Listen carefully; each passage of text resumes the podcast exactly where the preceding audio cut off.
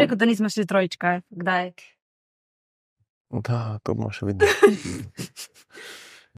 Hej, moje ime je Nik, ti pa gledaš Kaleido podcast, epizoda 8.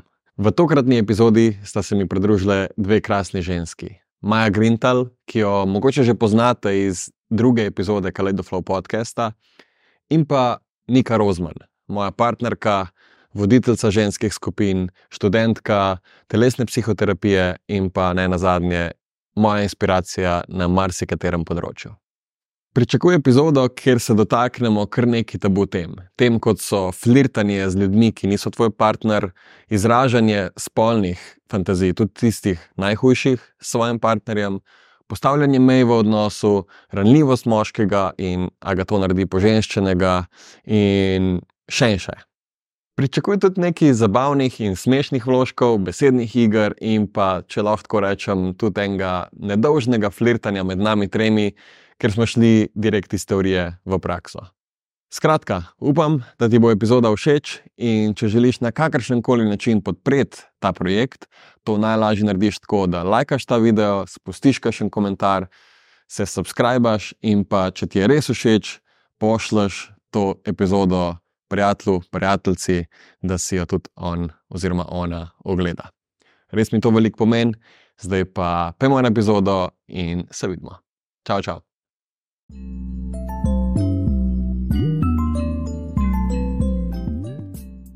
Kako sta? Ja, za me je prvič tako le sploh pred kamerami, tako da sem večkrat živčna, ampak verjamem, da se bo čez čas ah, skalmiralo vse skupaj, da rečem, bo fanove. Za me je tudi prvič otroje. Mm. Odvisno. To bi lahko debatirali. Ampak uh, samo redo, počutim se tako fajn v dobri družbi, uh, me veseli, kaj bomo kaj naumili do nas. Hudo, hudo. Jaz sem ti? tudi ok. Jaz sem tudi ok. Uh, isto prvič za me otroje, ever. Uh, ampak, evo, ko smo njih to začeli, imam eno iz, iz komentarjev iz najnega prejšnjega podcasta, ki so ga imela. Uh -oh. Ja, ja, tako, bomo takoj začeli, brez uvoda. Um, je bilo, doskrat sva bila obsojena, da normalizirava um, orgije in odprte odnose in take stvari. Okay. In kaj ti misliš o tem? Ja, jaz mislim, da jih normaliziramo. Ampak mogoče ne na tak način, kot si ljudje predstavljajo. ne. Um, um, ja, mislim, že tako. Morajo se ljudje mogoče najprej zavedati, da kar je objavljeno, kaj so izseki, ki so objavljeni iz raznih podcastov, posnetkov, ne, so predstavljeni tako, da je ljudem zanimivo in da se užgejo. ne. In če bi poslušali celoten podcast, bi mogoče dobili neko drugo širino. Um, bi pa mogoče bilo fajn, da mogoče še mi kakšno na to temo rečemo. ne. Definitivno. Tako da, kaj pa ti misliš? Mislim, meni se zdi, da je ja, itak, da to normaliziramo. Ker meni se itak zdi, da fora je to, da normalnost sploh ni več normalna. To se pravi, v bistvu je tisto, kar je normalno, Mm. dejansko v real lifeu ni normalno. Ne? In ne vem, vse, kar je normalno, se pol za zaprtimi vrati ljudje pogovarjajo, pa kako je to zdaj, da ne, ne, ne. ne, ne. Mm, Uh, noben pa noče svoje dejanske resnice izpostaviti. ja, In potem in posledično se mi zdi, da normalnost sploh ni več zares Ja. ja. normalna. ja, Um, in tako je pa pač, seveda, vsak človek ima svojo normalnost, Ja, ja, pa exactly. svoje, svojo realnost. Mm. Kot tudi doskrat je bilo rečeno, uh, to, je to, to ne vem, nekaj v smislu, da to ni realno, ne. ampak vsak človek ima svojo Ja. realnost. Mislim, jaz poznam veliko ljudi, ki um, so v odprtih odnosih. Uh, vem tudi, da je pač svetovno to ratuje zdaj. Ful bolj um, normalizirano. ne, In s tem, ko mi dva pač govoriva o tem, da pač odprti odnosi so tudi pač opcija, in da je to čist ok, ne govoriva, da zdaj monogamija je pa slaba, pa ni ok. Ne, ne pač sam v bistvu propelava vse na isto raven, da kar te sede, ti si je kul. Cool, Če se vidi s partnerjem, najdete v, v odprtem odnosu, da je to, da je to tisto, kar čuta, da sta sposobna imeti tak odnos in da za va- to za vaju funkcionira, zakaj pa ne? a ne? Mm. Kaj ti misliš, Nika? Ja, jaz tukaj zdaj razmišljam, kaj se pa zgodi v primeru, da eden je za odprt odnos, a ne, Ja. drug v odnosu pa ni za odprt odnos. a ne. pač tukaj pol se lahko hitro Ja. takne. a ne. Jaz mislim tudi, da veliko ljudi na to pomisli situacijo, a ne? Mm. da ne vem. Bom tako malo posplošila. a Ne? Um, ne vem, tipi hočejo imeti odprte odnose, ponavadi ženske. Ne? In zdaj, če pride do tega, ja, tukaj bolj malo nastane nek zelo velik izziv. a ne. Ker tukaj pomeni, da imata čisto različne vrednote, okoli družine, okoli partnerstva. Um, tako da je tukaj pomembno, da imata ful dobra komunikacija, skomunicirata in na koncu konca, če vidita pač, da si ne morete da- dati tega, ne morete najti s- srednje, neke srednje poti, ja, potem se pač ni prihodnosti, realno. Ne. Ker če pa gre v drugo smer, da pa ena, ne vem, kar se veliko zgodi, ne, da ženske gredo v odprt odnos, zato ker pač to moški želi, in potem so pač čist povožene in se ne poslušajo in ne sledijo temu, kar je njihova resnica. Ne, in politik odnos v vsakem primeru potone, praktično. Ja, itak. Mislim, če, če, če pride do tazga neskladja, pol, prvo kot prvo je pomembno komunikacija. ne. Mm. Uh, jaz mislim, da v nobenem primeru ni konc. Uh, to se pravi, da če nekdo izrazi to, pa da recimo, če moški izrazi to, pa da ženska za to ni za, Ja. to ne, še ne pomeni, da je to zdaj konc odnosa. Ja. Ker se vedno, še, še vedno se lahko uh, pogovarjata, še vedno mm. lahko pride do. Um, Ne vem, do nekih kompromisov, in Ja. pač odvisno, koliko ti pomeni ta primarni odnos. Ja. Tako da, ja, mislim, kako, kako ti na to gledaš?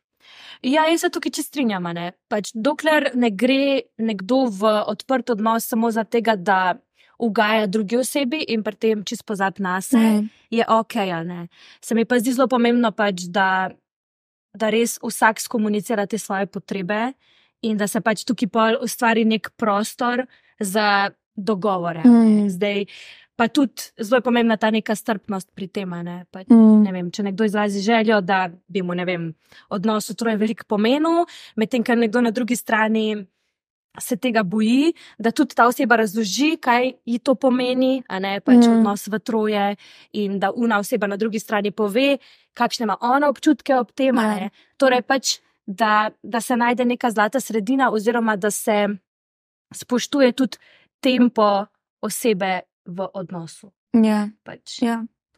Jaz bi tukaj tudi pač dodala, da mi rečemo, oziroma bom jaz zase govorila, jaz normaliziram različne vrste odnosov.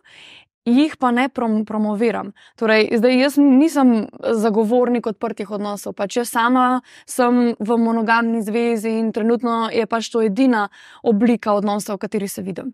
Ne, tako, da, tako da, ja, zdaj, če si pa ljudje to razlagajo po svoje, ne pa se ne poprašajo, zakaj to tregira. Hmm. Ja, mislim, jaz mislim, da je tudi zelo pomembno, iz česa to izvi- izvira. ne. To se pravi, iz, če, iz katerega uh, vzgiba tisti par, Ja. tist partner, Ja. ki hoče iti v, v, Ja. v odnos v troje, to hoče iti. Zdaj, če je to nek e- egoističen vzgib v smislu, jaz hočem imeti, uh, ne vem, whatever. Um, Pač to ni ok, ali pa če je to iz, iz ne vem, nekega seksualnega uh, naslajanja in tako naprej, ne, ali pa nepotešenosti ali kako koli. Um, isto se mi zdi, da iti v to kot neko rešitev za odnos je največja katastrofa, kar lahko narediš. ne. Pač prvo mora biti primarni odnos na mestu, pa postavljen tako, da sta oba dva zadovoljna v njem, pač pa oba dva, ne, ne sam, da se sam reče, da sva, pa grejo vsem probat. Isto kot pri otrocih, a ne se je Ja. podobna zgodba. Um, in pa potem spet, da partner, ki mogoče na začetku ni za, da, da tudi si pusti biti open-minded do te mere, da mogoče ne da proba zdaj z- na, na silo, ampak da si pusti odprto, pač, op- da je open-minded do tega, da, da saj da ideji priložnost. Mhm. Ne, da že takoj iz prve zatra idejo, Mm. Pa potem, ok, ne bomo se več tega, mislim, Mhm. ne bomo se tega sploh pogovarjali in pol to postane tabu. Mm. Ne sme v bistvu uh, šejma, torej ne sme obsojati druge osebe, ne, ker takoj pol nastane nek sram in takoj gre pol to v potlačitev, kar pa je tako vemo, da se kar prej izbruhne ven na nek drugi Mislim, točki. Ne? Ja, exactly. In Pol, recimo, kaj bo pol ta partner, ki je bil osramovan ali pa ki je ja. bil zatrt, kaj bo pol naslednjič, ko bo nekaj prišlo, pa, pa bo hotel nekaj povedati, pa mogoče sploh ne bo niti mal bed, ampak ne bo povedal tega, ker je, bil, Mm. je imel prvič izkušnjo, ki Ja. ja. ga je zatrla. Tukaj se pač lahko nanese- v bistvu nanesem na potrebe. Tukaj se v bistvu lahko ful ne samo na te potrebe človeka. Ne? Zdaj, če jaz izrazim ne vem, te neko potrebo svojo in če jo ti takoj obsojaš, je potem ti jaz naslednjič ne bom svoje potrebe povedala, tudi če bo to pač nekaj glede najnega odnosa ali pač nekaj čist tretjega. Ja, ker itak pač nastopi, nastopi ta strah pač pred tem, da se avtentično izraziš. a ne. Mm. Pa tudi to sem še hotela reči, da se navežemo na ta odprti odnos, oziroma pač odnos otroka, karkoli. Da, no, saj jaz sem taka, da pa velikokrat pomislim, da je možno samo vse ali nič. a ne. Mhm. So pa tukaj tudi te umestni koraki, ki ja, ki te lahko pripeljejo počasi do tega. a ne. Ja. Torej, Da pač, tako kot si rekel, a ne, da pač ostaneš open-minded do ideje, pa do nekih manjših um, eksperimentov, pri katerih imaš še vedno možnost reči ne, če ti pač v tistem trenutku ni udobno. a ne. Mm. Itak. Mislim, zavestno je treba iti v to, nikoli pa, pa, pa, pa z ljudmi, ki jim zaupaš. To se Mhm. pravi, da ne pride do nekih izra, izrabljanj in takih stvari. a ne. Um, ne vem, jaz bi mogoče dal tukaj en primer. Rečemo, da sta ženska moški, že, moški hoče odprt odnos. Torej, njemu se zdi ta ideja, ki jo posod zdaj slišiš, fulj zanimiva, ženska ni za to. Ampak rečemo, da najdete pol neko obliko, da se zmenite, no. Enkrat na dva meseca bova pa šla na erotično masažo, ki je nima serki, kjer pač v bistvu imaš neka pravila, ampak vse je neka izkušnja s tretjo osebo. ne. In naprimer, lahko najdeš to, da ima ustreza. Pač fuljenih opcij, um, če si pač dovoliš malo raziskati in tudi, če si dovoliš pač pogovoriti drug z drugim. Mm. Bi pa pač rekla to, na trece napisala, formula tako uh, dobra ideja. In sicer otrok ne bo rešil vajnih problemov, odprto danes ne bo rešil vajnih problemov, um, problemi se rešajo v bistvu samo s komunikacijo. In to je Ja. to. Pač, kjerkoli bo, kadarkoli boš ti iskal nekaj od zunaj, ni rešitve. Ne boš. Ja, to se sto procentno Ja. strinjam. Jaz sem pred kratkim, se, ko smo se z Niko pogovarjala, pa sem nekako, se ne vem, lahko da to že obstaja, lahko da sem si jaz mislil, da sem, mislim tako, ne vem točno, Mhm. ampak en koncept radikalne komunikacije. a ne. In kaj to za moje pojme pomeni, je to, da skomuniciraš vse, ampak ne iz triggerjev. To se pravi, ne iz tega, da napadaš človeka, Ja. ne iz tega, da, da, da izhajaš iz nekih svojih ran, ampak iz, iz tega, da, da sam si želiš vse skomunicirati, da, da daš Mhm. vs- celega sebe praktično na pladnju? Da si ranljiv, da pokažeš si se. neranljiv, Mhm. točno to. Ja. In da ni omejitev. To se pravi, če imaš, ne vem, tako eh, ekstremen primer, da se zaljubiš v sodelavko Mhm. in če to izraziš partnerju, ja, ne bo easy.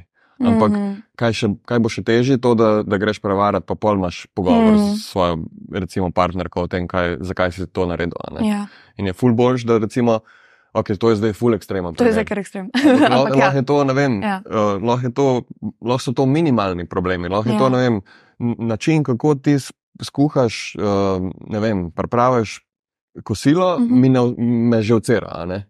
In pač, če ti to lahko poveš, brez da se drug partner, to je pač tako obojestransko. ne. Če ti lahko to poveš, brez da se drug partner užge nazaj Hmm. in lepo to skomunicirata, in si tako, ok, ne vem, nisem vedela, da te mot, kako jaz uh, spečem piščanca.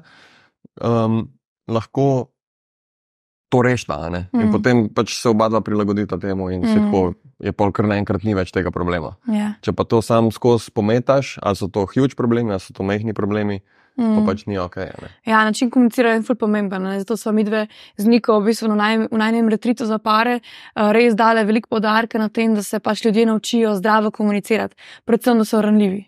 Mm. To se mi zdi, da je, pr, um, da je problem, spet če gremo moški, ženska je dinamika. ne. Da je veli, velikrat ne skozi, ampak velikrat je problem, da so moški manj ranljivi Ja. uh, ženske. Oziroma, da si ženska želi, da bi moški bil bolj ranljiv. Mm.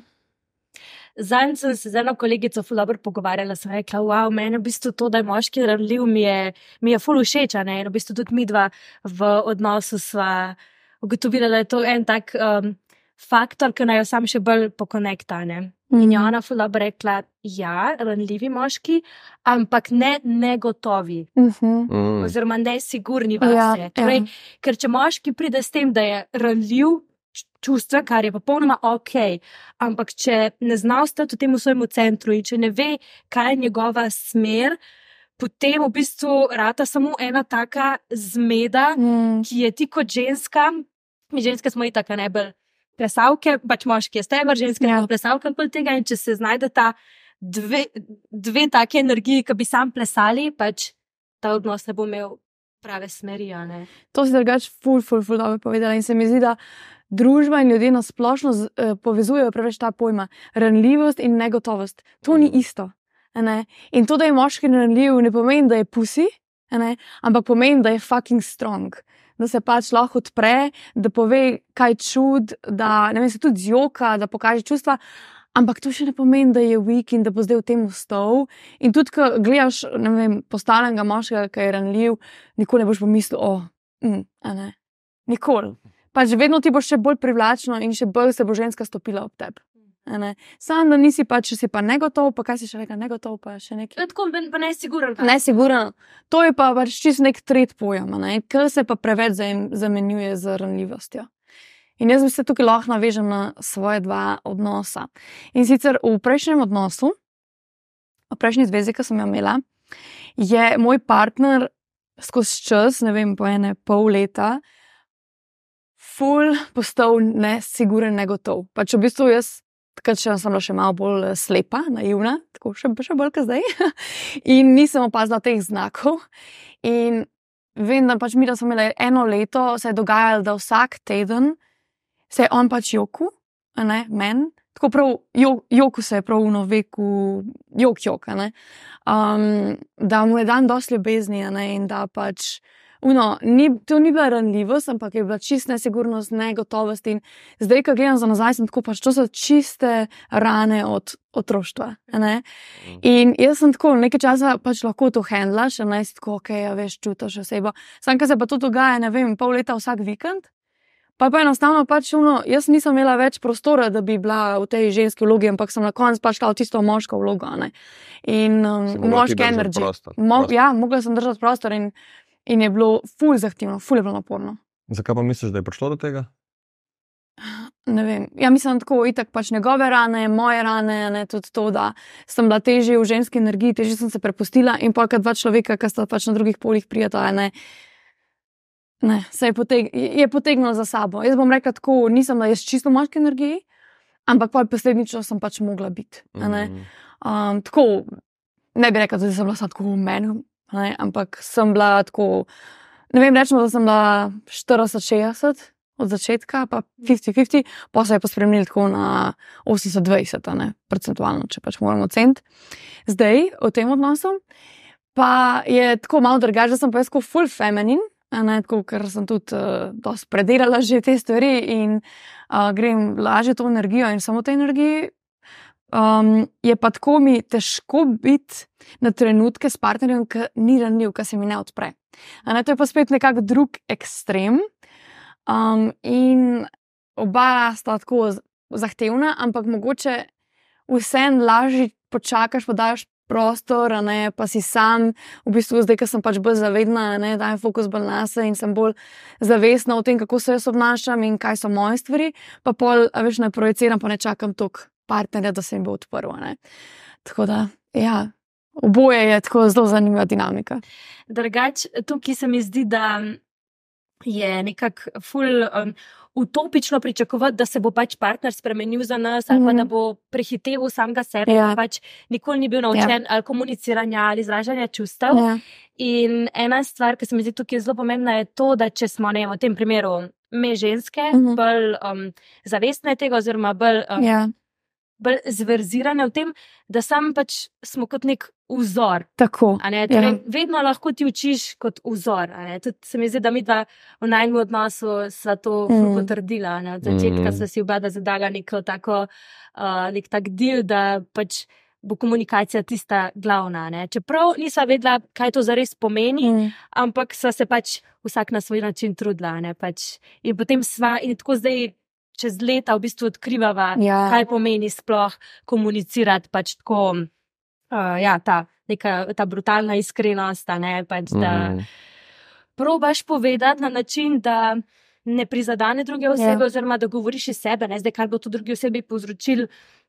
potem nekako ni več tvoje, če, če greš res iz tega, da govoriš svojo resnico. ne. Mm. Ampak, um, ja, čez čas se naučiš, ne samo pač dovoliti si moraš te neke strpnosti in. Ja, Ja, itak, se tudi, kar rečeš, gremo se zdaj komunicirati, ne moreš iz prve Je, a veš, valjda. vedeti, sploh, kako, kako skomunicirati. Mm. Zato, ka, kar se tiče predvsem ranljivosti, jaz kot moški lahko, recimo iz mojega vidika, um, se je večkrat že zgodil, da, veš, da hočeš biti ranljiv, ampak ne dobiš pa pol te pozitivne potrditve, da je to ok.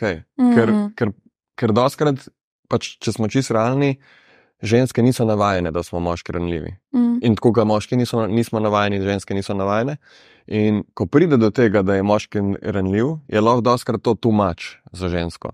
Ja, itak. In kar se potem zgodi, kot smo imeli mino, tudi par, parkrat se je zgodilo. Ne, da recimo jaz sem izrazil neko svojo uh, frustracijo ali pa nek problem, ki sem ga imel, sem pač recimo to temu, da sem bil ranljiv.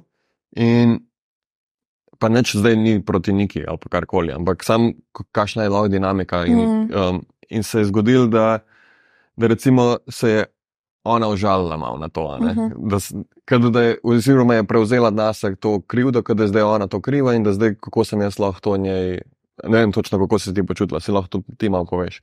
a Pol. Ampak sam da dokončam misel, je ful pomembno ta, to sprejemanje, pa držanje prostora, ki ga pač moški rab za biti Ja. za biti ranljiv. Ker ne more pa biti, če dobi nazaj negativen feedback, Ja, pa ne biti pusi ali pa uh, nek, nekaj, kar ni dobro, ne, kar ni, Ja. ja. ni pozitivno. Mhm. Ja, uh, mislim, zagotovo ne v tem primeru, uh, ki je bil en tak res zelo specifičen, a ne, ker naj jo vada takrat malo zresetiral, je bilo to, da ja, mi je zaupal nek neko svojo ranljivost. Hm. Um, in ker sem bila pač jaz kot nekak. Jaz sem itak to vzela pol osebno, ker se mi zdi, da sem jaz pač upeta v to. In kar naenkrat sem preslišala vse, kar mi on ima za sporočiti, in sem Mhm. videla samo sebe kot središče tega, in kaj sem zdaj jaz naredila, čeprav se ni izrazila na način, ti si kriva ali pa tako. Ampak jaz sem lahko, ne, to je zdaj za me neka, neka grožnja, nekaj, kar lahko ne vem, me spravi v nek neprijeten položaj. In namesto, da bi jaz držala prostor, a ne, torej se probala čim bolj čustveno distancirati, torej biti uh, bit tam prisotna, poslušati, probati razumeti, sem, sem se v bistvu zamenjala vlogi. Ti si šla v žrtev. ne, Sem pač. šla jaz v žrtev, Mm. mm. namesto da bi njemu držala. pa sem, po, bi- pa sem v bistvu jaz bil spet v vlogi tega, da sem jaz bil ali storilec ali pa to, da sem jaz mogel držati prostor njej. Dokler pač mi ni v bistvu na nek, na nek način malo prekipel in sem Ja. bil tako, čakaj malo, daj, jaz sem zdaj te povedal, kaj, kako se jaz počutim in jaz zdaj te, da to lažem. Kako, ne, ne moramo se to, to tako ita. Ne. In, ampak pol, ja, pol v bistvu, Svičale vloge nazaj. v pol je to naj kar reset. Mhm. ja, čist naj jo resetirali. Ja, tako da je fur zanimivo. No. In pa sem se tudi jaz tako pogovarjala s svojo terapevtko, da obstajajo tudi meje, dokje, dokje skomunicirati svoje čustva. Ne, Zato, ker veliko lahko pride do tega zlivanja svojih občutkov in čustev na drugo osebo, in nekako pričakovanje nazaj, da bo ta druga oseba pa to vse držala, ne zase. Um, Ja. Tako da potem, ja, tudi pač nekako um, ustati v tej svoji, svoji nacentriranosti in tudi malo premisliti, dokje povedati, in da ti tudi partner na drugi strani zna reči, tukaj je moja meja. Mm. To, so, to je pa, pa že postavljanje Ja, meje. ja, ne. ja. Dokje si tudi ti kot poslušalec pripravljen držati vse to, kar ti človek pove, a ne? ker ima vsak svojo kapaciteto. Mm. Tako. No, in pač se tukaj pol spodbuja to neko bildanje lastne kapacitete držanja čustev. a ne. Ja. Mm. Ker si jih omenila postavljanje mej. ne. Um, kako, kaj bi povedala? Mislim, tako, se mi zdi, da je to ful pomembna tema, ki se doskrat ne sprašuje, oziroma je to zdaj, kako meje. Vse z mi dva sva eno, a ne mi dva sva uh, zlita v odnosu, nekdo nam zvoni. ne moramo se javiti. Kaj če je pošta? Paket. Ne, pa to ponovadi so kašni te, ki prodajajo, kašne na vratih. Um, skratka, ja, meje, ne?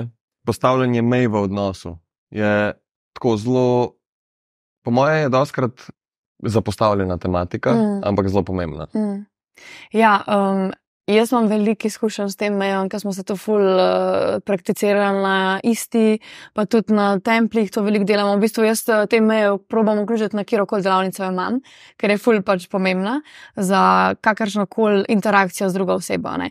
In prva stvar in najpomembnejša, najpomembnejša stvar, ki bi jo izpostavila, je, da ko jaz, neko, ko jaz postavim mejo, to ni osebno. Ne, da si druga oseba ne vzame tega osebno. Torej, jaz rečem, ok. Um, Naprimer, ti meni rečeš, a pa jaz tebe povabim na kavo, in ti rečeš, pač ne, um, nočem iti na kavo, ne želim si na kavo. Ne? In zdaj, v večini primerov ljudje to vzamejo kot zavrnitev, kot da je z njimi nekaj narobe, ne? in potem greš pač naprej v ta konflikt. Če bom pa jaz gledala iz druge perspektive in rekla, ok, on noče iti na kavo, fak, hvala, ker se poslušaš in ker, ker spoštuješ svoje meje. In v bistvu prav uh, delamo to, da prav s tem stavkom okay, hvala, ker se poslušaš. Pač, mm. Ful, ful, dobro. In v bistvu takoj preusmerim ta tok energije, ker ljudje, ljudje zaradi pač, izkušenj, ki imamo v otroštvu, velikrat gremo v to žrtev, pač v kjerih koli situacijah. Ne? To je pač ena taka stvar, se, kateri se hitro ujamemo. In sam da tako malo preklopiš, ok, pač to se ne gre. Jaz sem še vedno osem, uh, še vedno sem full fine. To, da on moče z mano na kavo, nič, ne pomeni nič narobe z mano, ampak ima že neke osebne razloge, ne? da pač noče na kavo. In to je to. Itak. Mislim, zdaj, okay, eno je, če si ti sam malo ne da, pa si malo len, pa pač to, ampak ajde, pustimo to, ta primer. Ampak recimo, da. Um, a ti sploh hočeš iti na kavo z nekom, ki noče iti s tabo na kavo? Exactly, to je tudi. Ne, to je ne? Ali pa pač karkoli, kjerkoli druga meja. A ti hočeš. Um, Ne vem, se mi zdi, da je to tako, da sploh, ko smo bili mlajši, ne, pa si pa si težil nekomu, da ne bo s tabo, ali pa si ja. šla na razred, pa si prosil, da je ostan z mano, zato da ne vem kaj. Ne, ne vem kaj. Ampak tako, če pogledaš čist iz logičnega, oziroma tazga vidika, ko nisi v nekem, neki poplavi čustev, a ti sploh hočeš.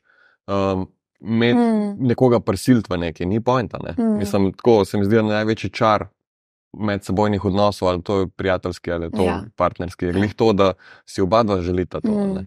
Pa tudi moramo se zavedati, da se meje konstantno spreminjajo, ne s tem, kaj mi rastemo. To, če, jaz, če ti reč, rečeš meni, da zdaj nočeš iti na kavo z mano, pa če se sprejmem, kul, cool, ampak to ne pomeni, da zdaj mogoče ti, da nikoli noš hotel iti na kavo z mano. Lahko da ja, lahko da nikoli noš hotel iti. Torej, mogoče ne se zdaj toliko Dajte spoštovati mejo v tistem trenutku, ko je postavljena. Ne, ne um, zdaj razmišljati, oh, mogoče pa enkrat bo, pa bomo se enkrat le malo v zadju, veš, čakali ali pa čakala. Ne, ne pač meja je trenutno taka, vzamem zakup, da se nikoli verjetno ne bo spremenila, ampak v zadju pa je tudi nekaj možnosti, imaš vsa pravica, da se pač premisliš. Itak, itak. Pa, mislim, se ja, veš tudi, če. Ok, zdaj kava je res tak, tak primer. Dobar, ja, okay.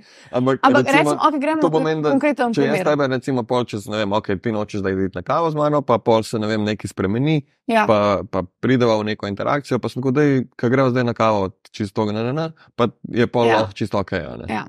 Naprimer, da imamo primer, evo, v odnosu, spolnost, nekaj, eno, eno dober primer. Ok, um, Primer, ki se po mojem veliko dogaja, je moški, ki si želi probati analno seksati, ženska pa pač ne. ne? In je tu pač meja, ne, ne počuti se udobno, nima mogoče tudi dovolj znanja o tem. In pač ona reče ne.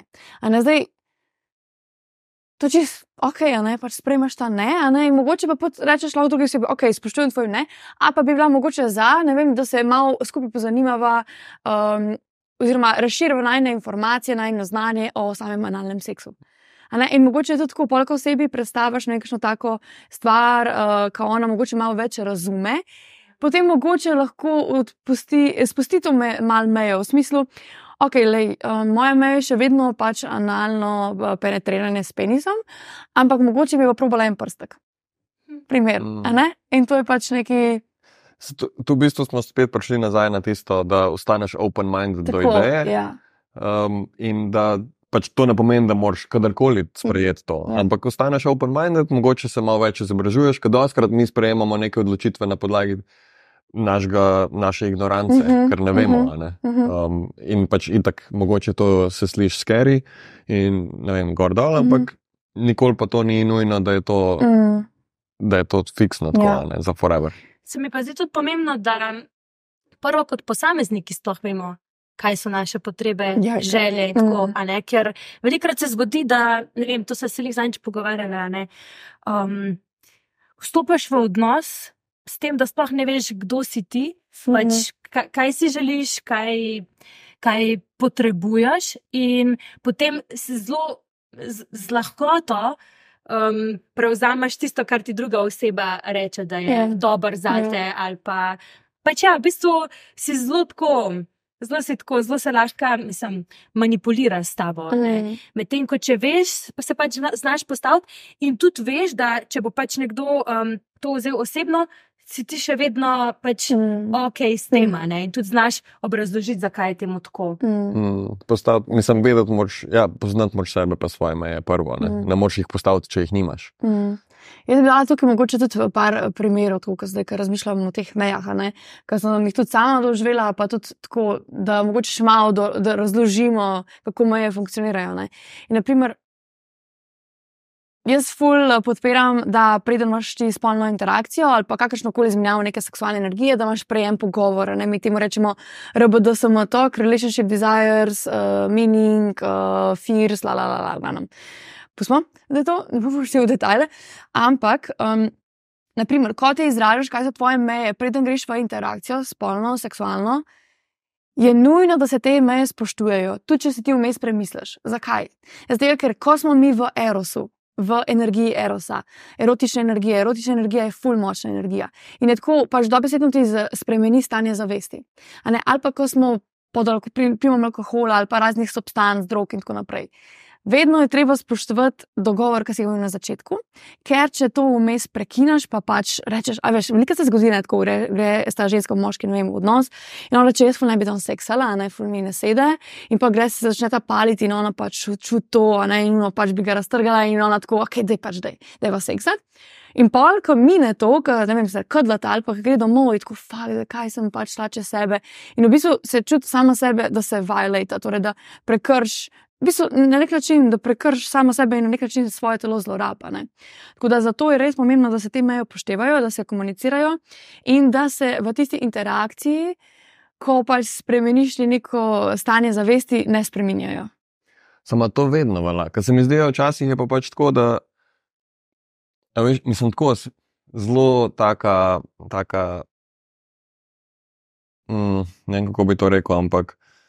Ker Se mi zdi, včasih je pa pač tako, da ne vem, okay, zdaj, če ni to zdaj spet neko ali ful alkohola ali pa ne Mhm. vem karkoli, a ne, da, da se pol v bistvu, da dejansko človek ni pri sebi. Mhm. Ampak če recimo v tem primeru, da, da se ne zgodi to, da moški njo toliko prepričuje, da, da bi pol ona rekla, dobro, da je pa pa da je, samo zaradi tega, da ne rab ga poslušati. Ampak če recimo ona predlaga, ok, dajmo, Ja, ne, jaz bi se rekel, da ne. Um, zaradi tega, ker prav kot prvo, postavljanje meje je odgovorno zase. a ne. In pač tudi zvestoba sebi in da se držiš tega, kar si pač rekel. In jaz bi tako rekla, v večini primerov se pač moraš držati tega, ne. kar si ti prej postaviš. Glede zaradi tega, ker ko je spremenjeno stanje zavesti, tudi če pač sam ti želiš, ne, lej, z nekim razlogom si ti rekla, da pač ne boš seksala. Bil je nek razlog zadnji. Zdaj, mogoče te bo strah, mogoče si bila nesigurna. Ne? In s tem, skozi ta proces se tudi učiš, ne? da mogoče skomuniciraš te stvari. In če boš pa vsakeč šla čez to svojo mejo, ne, prvo kot prvo, kaj to pomeni, druga oseba, kaj, kako ne sploh ve, kaj, boš, kaj ti zares misliš, pa kaj si ti zares želiš, če vsakeč narediš drugače, kot si rekla. A ne tudi ta ozadje je tukaj, ne tukaj zaupanje, kako lahko sploh vzpostaviš pa zaupanje med osebami. osebama. A Ne, to je, naprimer, zdaj govorimo res tako za kakšne take primere, ko se ne, vem, ne poznaš to, ko prideš v neko interakcijo z nekom. Ne. Zdaj, če si v odnosu, lahko pač svet malo drugače pogledaš, ampak spet je tukaj.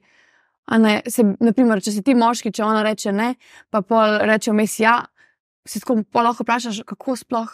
Mi naj zaupamo, ne kako sploh ne vem, da zdaj pa jaz ne bom. A veš, ker tudi ti prevzameš tudi odgovornost tega, da če se boš ti odločil, da boš zdaj seksil z njo, da boš na koncu ti krivc, mm, a ne, da, boš, da boš ti obsojen. ja, Ne, tukaj je v bistvu tudi tvoja integriteta na nitki na nek način. A bi kaj dodala? Kaj, Se mi zdi, da je tukaj samo ta razlika, da mm, če si v odnosu dlje časa, je mogoče to malo drugače, kot če je to res nek enkrat Ja. odnos, oziroma nek tak odnos, ki traja Ja. kratko obdobje. Ja. Zato, ker v pač, dolgotrajnih odnosih je potem tudi možnost, pač veš že, kje si, veš, Mhm. mhm. kakšno zaupanje imaš vzpostavljeno, poznaš približno Mm. človeka Mm. in um, tudi mogoče veš, ga, ki ga lahko malo um, šparaš, Ja. pa ki ga lahko malo puš- pušneš čez njegov ropa. Ne? Ni nujno, da je to samo v spolnosti, ampak pri Ne. ostalih stvareh. Plus, če sledi nek um, malo bolj um, ne vem, uh, challenging scenarij, mm Mhm. -hmm. torej, da pač se potem človeku začnejo odvijati Mhm. razne negativne misli o pretekli situaciji, je, je prostor, da pač partnerja to komunicirata Mhm. in, s- in si držita varen prostor tudi po sami tej izkušnji. a ne. Ja. Tako medtem, ko ja, lahko se pa zgodi, a ne, one night stand, recimo, Mhm. greš čez svoje meje in na koncu greš domov s temi slabimi občutki. S tem človekom nimaš nikoli več interakcije, in se ti zgodi neka taka mini travma, lahko Ja, zaradi itak, katere ja. potem Mm. imaš izziv vstopati v vsak naslednji odnos, ker je tako. Ja. Sam da na spet isto, sam da na koncu spet, ne vem, če zdaj govorimo o ženski, sam da na koncu spet sama v tem in s temi negativnimi občutki. Mm. Ja, sej, ne, to se strinjamo. Ne? Zato pa uh, bi tudi omenila, da lahko postavljamo meje na različen način. Lahko postaviš mejo ne in pika. a Ne? To je zdaj vem, tak primer, katerega pol ne smeš čez. Lahko pa rečeš, ok, a bi zdaj seksuala.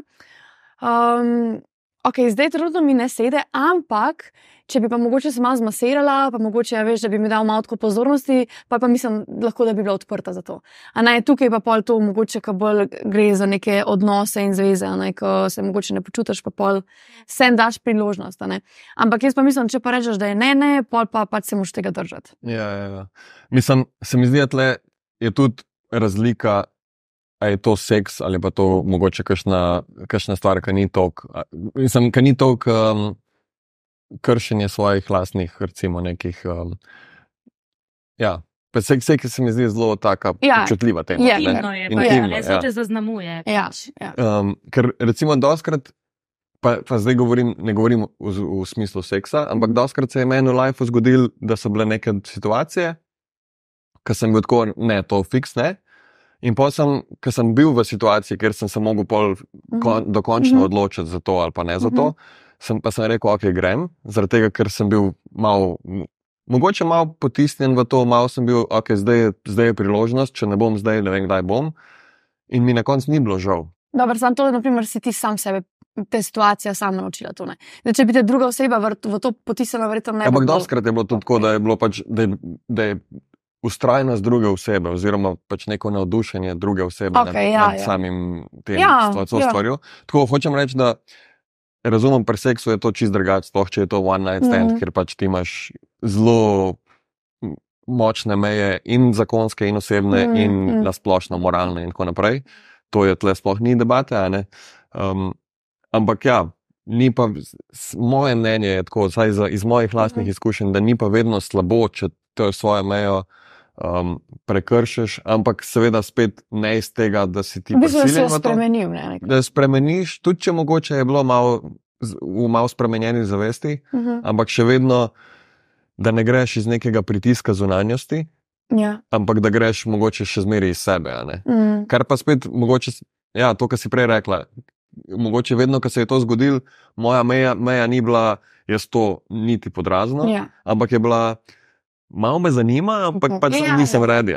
Ja. Ja, mogoče je bilo to res, ja, to se strinjam. Mm. Ja, ne, te meje so fuj zanimive. No, tako. um, ampak jaz bi tako rekla, mogoče zdaj za ljudje, ljudi, ka, ko smo mi rečemo, ne, rečemo, da smo na neki točki zavestnosti, je, a ne, je mogoče lažje prepoznavati uh, učinke teh mej, a ne, kaj se zgodi, če rečeš ne. Kaj se zgodi, če rečeš ja, ne, to je tudi tako učinek. Torej, ti mene povabiš na kavo, jaz rečem ne.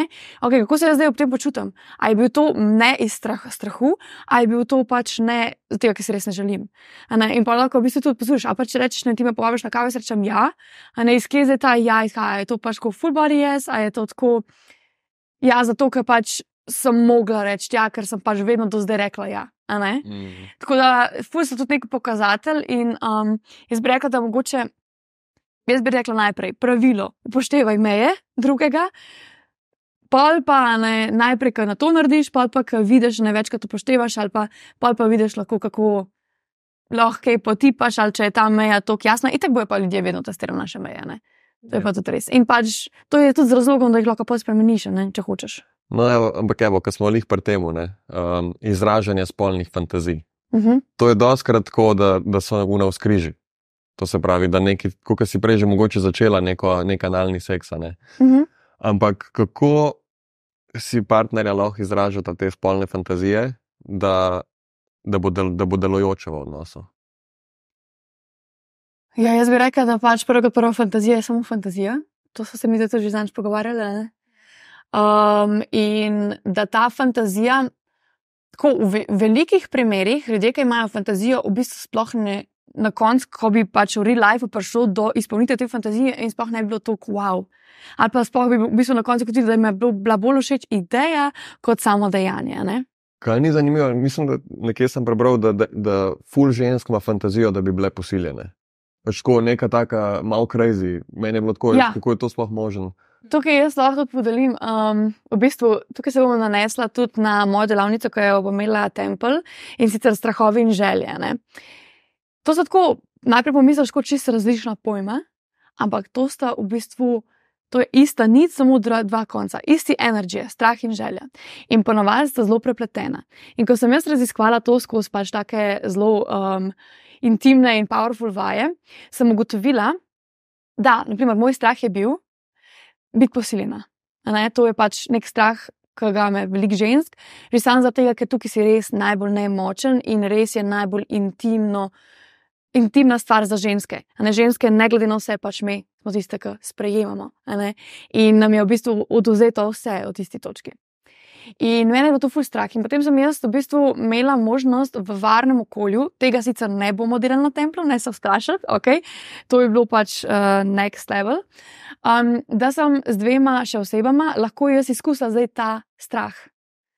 In sem postavila svoje meje v smislu, ok, pač to in to mi je kul, cool, da naredita, to pa to ne. ne vem, penetracija s penisom, penis, pe, penisom mi ni bila ok, ampak naprimer penetracija s prsti pa pač je bila lahko vključena. In jaz sem dobro sedno šla doživeti ta svoj strah. In v tistem pač varnem okolju sem jaz na nek način doživela posilstvo. Saj vedela sem, da ni zares, ampak moja notranjost je čutila tako. In jaz sem vmes ugotovila različne stvari, in ena izmed teh je bila, da v bistvu nekje deep down, v eni darker side, je to tudi moja želja. Ne, da v bistvu neke potrebe so bile tukaj noter, v smislu popolna predaja drugi osebi. A ne to, da či izgubim kontrolo. Tako da, ful je zanimivo, ker res strahovi in želje so ful prepletene. In tudi naše želje, ne, valjda si nekaj želiš, in ni tako zraven povelenega strahu, ne, da ti ne bo ratal, da pač mogoče ni to to. Tako da to je ful zanimiva dinamika.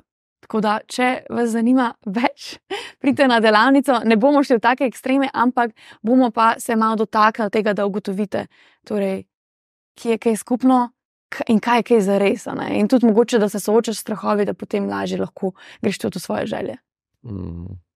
Sem ki si prej rekla, da recimo fantazije so le fantazije. a ne. Ja. Pol, pol sploh ima smisel, da jih Ja, komuniciraš. da ima. mislim, Pač, ker še vsem se iz tega lahko nekaj rodi. a Ne? Mislim, ja, pač, recimo, če si v odnosu, pa če o nečem sanjaš, če skomuniciraš, obstaja zelo večja verjetnost, mogoče si partner želi isto, mhm, ali pa ja, je spet odprt za, za idejo, da bi se lahko potencialno v prihodnosti kaj Ja, zgodilo. ja. Medtem, če držiš zase, je lahko nekaj, nekaj tizga, um, tazga prepovedanega in bo še toliko večja, toliko večja želja potem, da, da mhm. narediš nekaj mogoče, kar, kar Ja. ne smeš. Mm.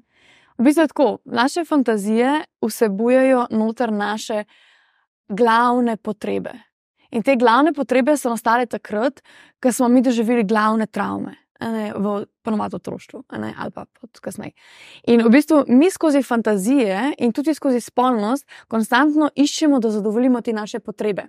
Ne, in te potrebe niso zdaj samo spolne potrebe, ampak so tudi potrebe uh, po varnosti, po ljubezni, po predaji. Um, tako zelo so različne te potrebe. Tako imaš tudi tuno, da si, um, niso se take tako romantične.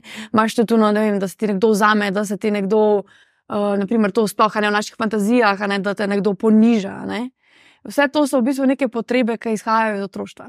Tako da, prvo kot prvo, fantazija, da deliš super.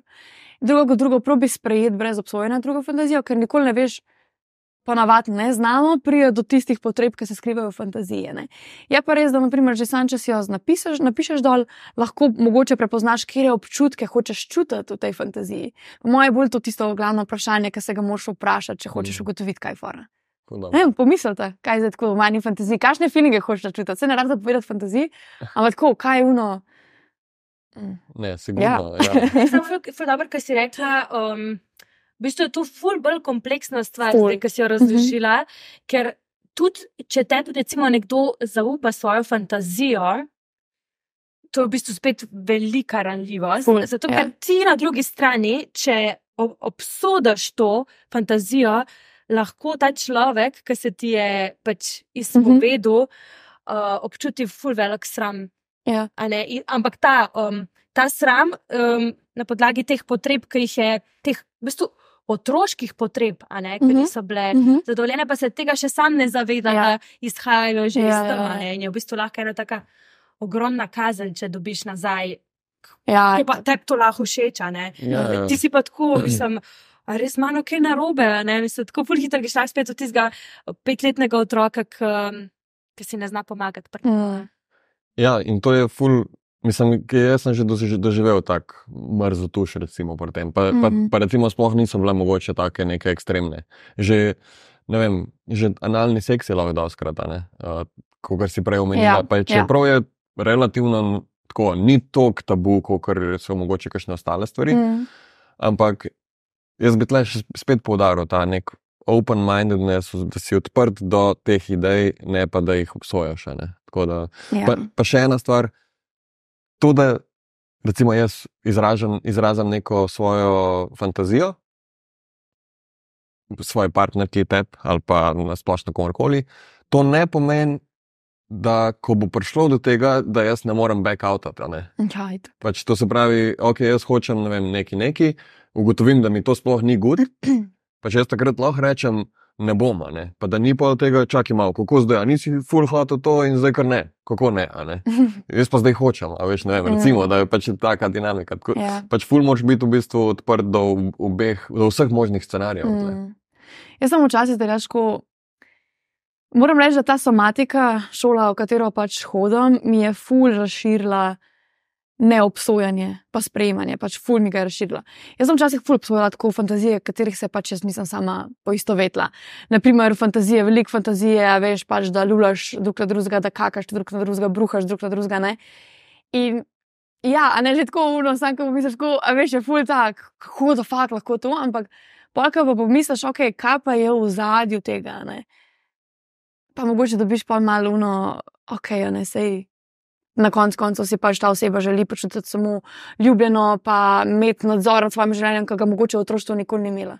a ne. Mm. Tako pač fulje lahko deep in v bistvu fantazija je pogled v tvoje podzavest na nek način. Wow. dobro. Bom naredila za domačo nalogo, pa da bom malo eh, šla Ja. Čez. Pa fantazije se drugače lahko tudi spremenjajo skozi cel life. Osnovne potrebe, ki izhajajo pač iz naših osnovnih travm, pa načeloma ne. Prvomat imamo tam okoli tri glavne ne, te potrebe, ki jih pač zadovoljujemo skozi cel life, skozi intimo, spolnost, odnose, službo, vse, vse, vse. Ne.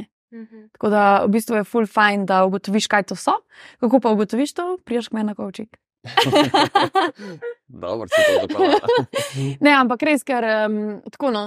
Je, a veš, so tako malo kompleksne stvari na koncu koncev, ne, zdaj lahko tudi začneš malo, ali pa ne vem, preberite si knjigo uh, Making Love Real, tukaj zdaj mi da tudi bereva. Uh, tam notor je vse napisano, v bistvu tudi kako lahko ugotoviš, kaj so tvoje potrebe in iz kje izhajajo in kaj so tvoje glavne travme in tako naprej. Mhm. Nice. Ok, naslednja tema, ki je bila, um, ki je bila mogoče na, na komentarjih iz najnega prejšnjega podcasta izpostavljena. Kako je že to? Sipping some tea, Ja. drinking the tea, ali kako se reče v izraz? En- Ni una. Uh, Spilling tea. a ni un minen, kao, it's not my business, kao. A ja, tudi, tako možem. Una žaba, ki pije nek. Čaj. Ja, ja, ja. Ok, kaj da šel žaba zdaj? Gor na moj faca. To, to ne vem, če znam to editirati. um, ampak ja, varanje. Mi dva smo imela en pogovor, ker smo po moje sva ugotovila, da smo se mi dva pač malo, mislim, da smo se mi dva dobro razumela, ampak mogoče smo malo slabo izrazila vse skupaj da, Mhm. za druge. Mhm. In sicer point je bil, varanje, če te nekdo prevara, nisi kriv. Mhm. Kar je pač tle, moje, se vsi strinjamo. ne. Mhm. Uh, če, če nekdo naredi kriminal, je kriv tisti, ki je naredil kriminal, ne tisti, ki je bil žrtev kriminala. Ja. Ampak v partnerski zvezi, če si prevaran, si soodgovoren. A če malo to razdelati. Ta soodgovornost, da ne bo izpadal, mislim, da, da ne bomo. Ker to pa nočemo normalizirati, varanje pa Ne, niti malo ni. Ne podpiramo varanja ne in varanje ni ok. To gre na rive. To gre na ribe. um, ja, jaz sem dobila tudi veliko tako v bistvu, uh, vprašanj glede tega uh, in tudi komentarjev. In zelo veliko je bilo tudi v bistvu feedbacka iz strani oseb, ki so bile prevarane. ne. Um, in ja, to je taka kočljiva tema, ampak kar sem jaz tukaj hotela povedati, je, ne, da tako. Veliko različnih dejanj je, ki niso ok. ne. In varanje je ena izmed teh. Se mi zdi, da je zdaj ful varanje dajemo tako na ful veliko, ostalo pa pač ni nič. ne. Torej, varanje je maksivno, kar lahko, lahko izdaš osebo na nek način, se v bistvu tudi je. ne. Ma, v bistvu za koga, bomo tako rekli. Um, In ja, ta soodgovornost bi jaz rekla v primerih, ne, da če pride do tega varanja, ne, da se ne, ne greš takoj v vlogo žrtve, o, zdaj sem pa jaz prevaran, uh, z njim je bilo vse narobe, z mano nič. ne. To je tisto, kar sem, kar sem Ja. ja. po mojem hotela izpostaviti. Um, ampak da pač greš, ok, ja, jaz sem žrtev do neke mere, ampak kaj pa lahko jaz povlečem iz tega odnosa, kaj se lahko jaz naučim, kje so bili tisti moji vzorci, ki so mogoče ali privlačili, da, je, smo, da sem dobila tega partnerja, da me je prevaril, a ne, to, in pa tudi mogoče dejanja, ki so. Ki niso bila glih najboljša, ne da so pač podprla varanje, a ne, ker pač to ni tako, ampak ki so mogoče um, šla nekako usporedno s tem varanjem. Bom tako rekla. Nika, kaj ti praviš? Um, ja, definitivno. Jaz lahko to povem za, en, za svoj en pretekli odnos. Um, ja, sem bila prevarana, Mhm. ampak pol, ko sem lahko čez čas pogledala pač z malo bolj um, uh, zrelega mesta, Mhm. sem zelo hitro videla, da je tudi moje obnašanje, moji vzorci, Mhm. moje nepotešene potrebe, da so pripeljale do tega, da se je človek lahko počutil pač ujet Mhm. v ne. Mhm. Uh, od tega, da, si, da, sem, da sem bila takrat, ne, sem imela zelo nizko samopodobo, Ja. uh, zelo sem hrepenela po neki varnosti, po neki stabilnosti, po tem, da samo nekoga imam, ne glede na to, kaj ta človek počne z mano. ne. Um, tako da ja, to sem prepoznala, tako da pol čez čas, kar mi je. Ful pomagalo je bilo ravno to, to delo na sebi, sprejemanje sebe, pač eh, dvigovanje samozavesti preko vem, različnih hobijev, aktivnosti, nekih.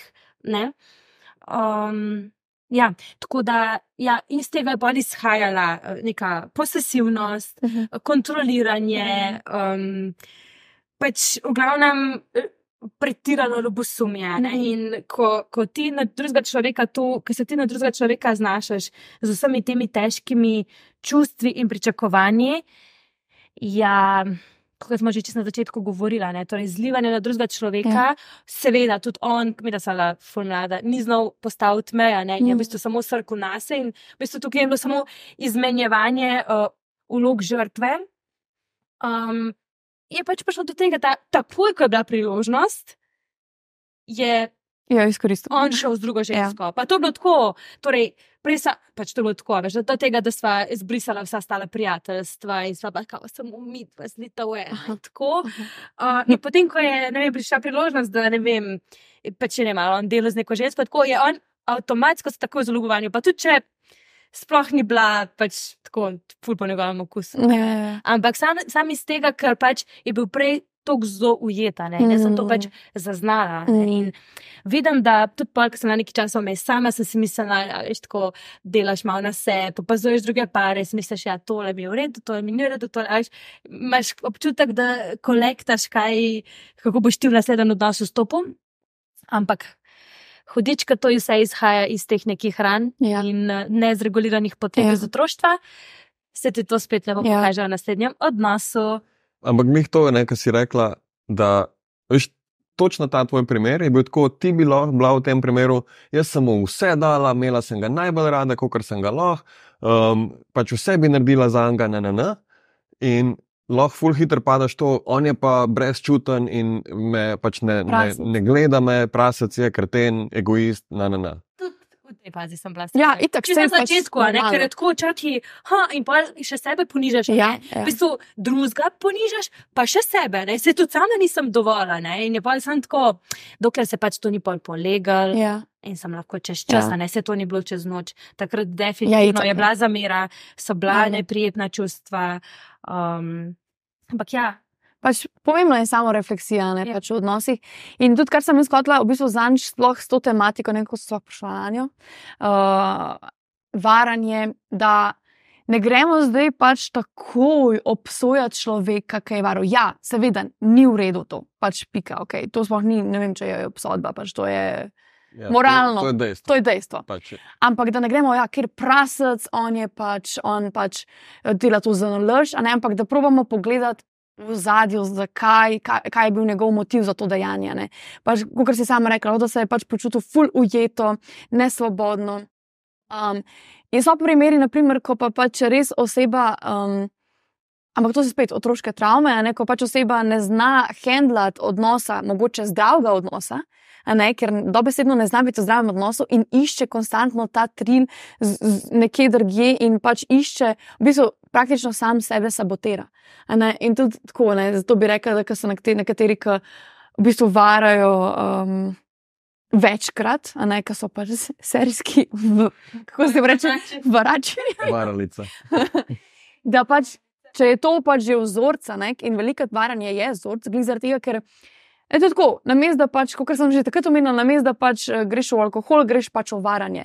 A Ne, to je v bistvu neka posledica, katere vzrok je neka notranja nesigurnost, nestabilnost, um, ja, neko neravnovesje. Ne. ja, pa tudi uh, hkrati imaš, lahko se bojiš uh, nekega intimnega odnosa z Ja, nekom. ja, imaš konstantno, ker že sam pri sebi veš, da ne boš zdržal Ja, zdravega odnosa, ja. backup. Ja, Backup, Ja. ja. ok, če tebe nimam, imam pa drugo, Ja, ja. ok, če ja. tebe nimam, imam pa drugo. Ja. In je ja. tako samo backup na backup. Ja. In pač točno to, ne? in taki ljudje bi rekli, da se ful bojijo intime in biti ranljivi in se odpreti za res. In Bog ve, pač, zakaj je do tega prišlo. ne. Pač moramo vzeti v zakup, da nis, ni vedno samo ena žrtev, en storilc in pa še en un, ta tretji rešitelj, ne? ampak se te vloge skozi spreminjajo. In to je taka, ta trikotnik mi je ful všeč, naprimer. To so ga razlagali na isti, upam, da ga bom zdaj eh, znala razložiti na hitro. Torej, rečemo, da si ti žrtev. On tebe, te, tebe. A Ne, in ti si žrtev. Jaz? Sam disclaimer, to se ne. Ja, da ne, to ne gre v rim, ker pač. Wow, lel. In jaz vidim vajen odnos in jaz sem kot fakt, stari, meni se ono tako smil, pač ker šupak si ti, ki je kretena, ne, da jo tepeš zdaj. In zdaj bom jaz pač stopila v vlogo rešitelja in zdaj bom jaz tep nekaj naredila, ali te bom začela manipulirati, ali bom nekaj naredila, da tvoj biznis propade, ali te bom pa pretepla. A ne nekaj od tega. In kaj se zdaj zgodi? Zamenja se vloga. Jaz sem zdaj ta um, Storilec. storilec. ti si zdaj žrtev. In zdaj mnogo krat gre pa pol ta tretja oseba, ki sem jo jaz hotela rešiti, v bistvu sploh ni hotela biti rešena, ne, ker oseb Ja, pač ja. ne moramo rešiti, zares se morajo same. In pol ona hoče pač njega zagovarjati, in, pol sem, ne, in se v bistvu vse obrne. Ne. Yeah. Tako da, In pogreš ti v zapor. ja, ne, na koncu jaz zapor. Kako to rešiti? Ja. Tega kriva. Ja, ja. Ja, ampak, a veš, recimo, da, imaš, da si v odnosu s tako osebo, ki je mogoče ful ranjena, narcisistično in tako naprej, da, da vse to, kar smo prej rekli, da ne shendla zdravega odnosa, na, na, na, na.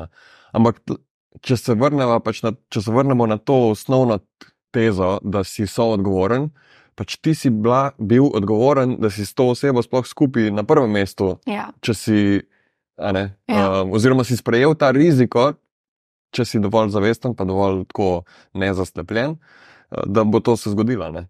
In- Jaz bi tukaj tudi dodala še en tretji aspekt, ki ga včasih malo ne gledamo in sicer energijski aspekt. Torej, v bistvu, kaj meni vesolje s tem odnosom, ho odnosom hoče naučiti. In verjetno, če sem jaz v odnosu z nekim narcisom, pomeni, da se moram naučiti. To, da se dajem na prvo mesto, da začnem postavljati meje, da uh, so moja čustva vredna in pomembna. Ne, ker ponovadi je gledko, ko gledamo v odnosi, kjer je en narcis, pa kjer je druga žrtev, je pač tista res oseba v neki res ogromni žrtvi in praktično v življenju ne more drugega človeka povabiti, kot nekoga, ki bo storilec avtomatsko. Ja. A Ne, in tukaj je tudi pač ta energijski, energijski aspekt ful pomemben. Kaj v bistvu ti hočeš, kaj ti življenje ponuja, da skozi ta odnos razrešiš. Delanje, delo na sebi, non-stop, ne, celo Ja, življenje. ker tudi, če ne boš spremenil um, svojega načina delovanja, tako kot si rekla, skozi boš vstopil v. Ja. Mislim, pač drugi akteri bojo, Ja. ampak se bojo pa odvijale skozi. Vzorc pa isti. Dinamika Ja. pa ista, zato ker itak mi v bistvu privlačimo tudi na energijskem Ja. nivoju človeka, ki bo, nam bo ustvaril isto dinamiko, kot smo jo bili vajeni Ja, med našimi ja, staršema, ker nam je najbolj domača. Ne? Dokler se ne zavedaš tega, ne? sej niso vse stvari slabe pri tej mm. dinamiki, ampak tiste, ki pa uničujejo odnos, ne, jih je pa treba prepoznati, pa zavestno razbijati. a ne. Ja. Tako, mislim, mi, da so zdaj do, do začela a ne prepoznavati, kaj je tisto, ker jaz sem v ta odnos isto stopila z neki s kančkom toksičnosti. ne, spet.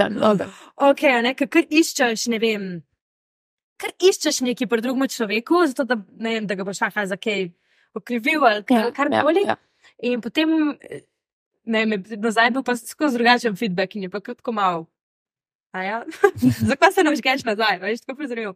Ampak Ja. so- pač A, No, ampak čez čas, ne, so pač res mm. tudi prepoznala, kaj je tisto, kar bi, kar bi nam potencialno lahko delali preglavice. Ne? In potem, Mm. Pa se tako, tudi jaz nisem bil, a veš, jaz nisem perfekten prvi odnos, no, daleč od tega. a ne. Disclaimer, noben ni perfekten, noben nikoli ne bo. Ja, exactly. a ne. In ker recimo, ker moj, moj problem je bil pa to, da sem, sem pa ful težko izrazil neke stvari, Mm. ali pa post, težko postavil mejo, ali pa Mm. ja, dejansko Ti je bilo vse vse. mi je bilo kao, Vse cool. kao vse kul. Cool, Ja, ja, jaz sem kot tako, njemu vse kul. Cool, ali pa, jo, a veš, k- pač Ja. res mu noč, a veš, prav se spomnim, veš, ko sem navajena, recimo. Teh nekih ljubosumnih, te ljubosumne situacije, to je bilo najbolj tako, ker sem jaz vajena iz prejšnjega odnosa. In potem, ko greš malo, malo greš testirati od začetka, da vidiš, Mhm. kje si v odnosu. a ne. In tako narediš kakšno stvar, ali pa poveš kakšno stvar na tak način, da bi, da bi le videl, kakšen bo odziv osebe na drugi Ja, strani. ja. In Malo en lagati- test, test, Ja, test to je bil toksičen test, tako da ne, ne tega delati. Spet- se pogovarjati od začetka, kako pa kaj. In Ampak to je model- zabavno. Ja, je zabavno, ampak ni pa healthy. In model ravno to še do vsega. A veš, je bilo kratko malo boring na začetku, a ne? Dokler ne spoznaš, da se te igrice hočeš same igrati, a ne? In da je v bistvu to neka, pač nekaj, kar, kar lahko zelo škoduje in Mm, tebi, in mm. osebi na drugi strani in odnosu, in potem obereš drugo pot, a ne? Jaz bi rekla, da pa če oseba reče, da mu je vse, da mu je vse ok, je to red flag, ker v bistvu ne posluša svojih potreb. Mogoče jih ne znaš še slišati, Ja. pa ne zna postaviti. Sam, meje. dob- dobro, so neke stvari, ki ti je lahko res, Dobro, ja, da okej, ti ni to, da te ne, da te ne Mm. prizadene. a Ne? Ali pa pač, da ne vem, moje, moja osebna stvar je, če se nika pogovarja s katerim koli moškim, jaz nimam problema s tem, nobenega. Pač tako iskreno iz sebe. ne. Ja. Um, kar pač lahko nekdo drug ima. Mm. nekdo drug bo rekel, moja, moja ženska se pa ne bo pogovarjala z nobenim drugim moškim. a ne. No, ampak se tudi to je ful dobro, pa uh, a ne pa še k temu varanju dodati, da se v partnerskem odnosu pogovarjaš, kaj je za te varanje, ja, kaj ne. ja. Ker nekomu je lahko varanje res že, pač, a ne, samo izhodna oblika je pač to že blik pogovor, Uh -huh, nekomu je pisanje, uh -huh. nekomu je lupčkanje. A veš, tako v bistvu imamo zelo um, različne, uh, Ja, pač te, kako se reče, tolerance. Defin- tolerance tega. Definicija, kaj je Definicija, varanje. ja. ne. Ja. ja. To je Rep- ful pomemben. Je- A sta se drugače bilo na začetku pogovorila, kaj za vaju varanje? Ja, sva se, jaz sama se je velikokrat izkazala, da pač v bistvu, da tudi, tudi to se je izkazalo, da misliš, da veš, kje je tvoja meja, Ja. pa pol bi jo kar rajš malo vmes spremenil, Ja, ja. ja, ja. vidiš, da uh, mogoče, pa, Mm. mogoče pa ni čisto. Mm. Tako da sva tudi tukaj ugotovila, da, da, da, da sproti lahko pol šele. A Tudi, je za vaju flirtanje varanje? to smo že, to smo, ja. Um, flirtanje. Mislim, če sem iskrena, jaz zelo rada tako se kaj malo sodim dojem. Pa to, Mhm. mislim, je tisto, kar ti. da tisti občutek, da, pač, um, občutek, da si opa da sem Ja, opažena, da Mogoče rečemo tudi lahko, Pa- da so različne stopnje flirtanja. Ja. Ja. Zdaj pa nadaljujem. Ja. Disclaimer. Um, pa tudi spet, a ne. Ja. Jaz vidim, recimo, katero potrebo jaz tle zadovoljujem, uh Mhm. -huh. a ne, ko, ko grem v flirtanje. ne. Mhm. Um, torej, je to, da mi pa še pozornost, Mhm. da so pač prav prav ta potreba po, po neki pozornosti, opaženosti, potem da, ja, da obstajam, Da si v bistvu center. da sem center. Tako. Tako okay. da sem center. Jaz imam tudi to. To, imam- to pač in iz tega motiva grem. Ampak vem pa tudi, da bi se pač, kje pa, kje pa, kje pa Ja. ustavim. Ja, ja, ja, Ker sem tako, ok, jaz to delam, pa še to delam zelo sproščeno, zato ker vem, da ne vem, kaj izgubiti. Ja. a ne, ker pač imam itak pač ful dober odnos. a ne. Mhm. Tako da je pa zelo tako lahkotno. a ne. In Ampak tudi ful bolj, bolj ko si sproščen, je ful zanimivo, kako pol, tudi bolj pri, privlačeš Mhm. ljudi, a ne. ker, ker greš tako, hej, ne, mislim, jaz flirtam, ampak um, itak imam doma nekoga, ki jo imam ful rada in In pa priješ napaljena domov in seksaš. Ampak, ne, ti, ti si rekel, to se pravi, tvoja meja iz, tvo, iz tvojega pogleda, flirtanje ni problem. Kaj pa obratno? uh, ne, iz mojega, ja, jaz sem, kako- kar, kar jaz. Torej, če ti flirtaš, ni problem, kaj pa če jaz? Ja, če veš, kje je tvoja meja, mislim, če veš, kje je pač čisto neka, uh, ult, kako se reče, ulti- Ne, ampak jaz vem, recimo, ampak kaj, kaj, kako, si, kako ti to gledaš? Če bi jaz zdaj Bil v isti vlogi, kot si ti. Če bi jaz zdaj z Majo full flirtu, ampak pač bi rekel, ok, pač ne bomo se ljubčkali, ne bomo, ne vem, neč pač tako v smislu fizično, fizičnega kontakta. Um, a je to problem ali ne? Ja, to je tako, mislim, da zmeraj da srečujeva s tem. Velikrat se tudi pogovarjava. Um, meni je to že malo tumač, iskreno, pa ne zanima, ne, pa, pa ta, Mhm. ta te neki različni standardi, ne, kao, pač jaz to tudi ne. Ampak ne rečem, da ne sme, a ne, sam pač pa izrazim svoje občutke ob tem, kako mi je, ne, pač mi je pa ful teže to sprejeti. Ful te, mislim, ful teže mi je to gledati, čeprav pa, pa si veliko tako reče zraven, ja, sam. Mislim, če pa ti to počneš, je pa ok, ne, kako zdaj to, veš. Tako da ni, da bi, trudim se pol ne, ne vem, se to pač lahko ti poveš, ne, trudim se pol ne. Um, lahko ti še vsem povem, kako se potem počutim, ampak ne, ne bom ti pa tega um, omejila. Ker pol bi tudi vse, če je to pač meni še ne. Mm. To je ta. Mislim, jaz pač iz mojega vidika, mene to ne moti, če ti malo pač flirtaš tako. Ampak to govorimo zdaj o nekem nedolžnem flirtanju. Dejno, a lahko definiramo, če Ja. ja. se pogovarjamo. Ja, recimo, ne vem, recimo, eh, prideš v, lahko že v lokalu z nekom, a veš, pač. Pač jaz, jaz govorim to o nekem pogovoru, ki je mogoče malo tako. Um, Lepš pogledaš. ja, recimo, a ne, pa pač, mislim, logično je, da flirtaš zmeri nekako z ljudmi, ki so ti vsaj približen kul, cool, ali pa tako, pač ki čutiš neko povezavo. a Ne. Pač tako, ne govorim zdaj povezavo, srčna povezavo, zdaj pa se, se bo poročila ali pa zdaj pa ne vem kva. Ampak ne, n- ponavadi ne boš flirtal z nekom, ki ti, ki ti je čisto antipatičen. Simpatičen ti mora biti Ja. tako človek, da greš to po to. Pač je neka kemija med nami ljudmi, a ne? Mislim, Mm. ne vem. Mogoče ne- niti ne vizualno, ampak tako, mogoče tudi, da on in input, ej, živijo, kako si. Ja. Ej, fajn, Pač pač, ti, energijsko. Pač, ja, energijsko, pove- ja, ja. tako. Um, ampak pač to ne pomeni pogovor, o kva bi pa jaz tebi delal, čez, eh, zdaj, da te pelemo posla, a ne, to pač ni Ja. tako razno, ampak pač normalen pogovor, ki je, ki je malo začinjen, recimo temu. ne. Ja, ja, ja. To. Ja, jaz tudi to, v bistvu, meni je to čisto ok. Jaz tudi to rada delam, ker uh, mi je zabavno, tako sproščeno, malo te napolne z energijo. Ne vem, meni se zdi to tako čist nedolžno. a Ne?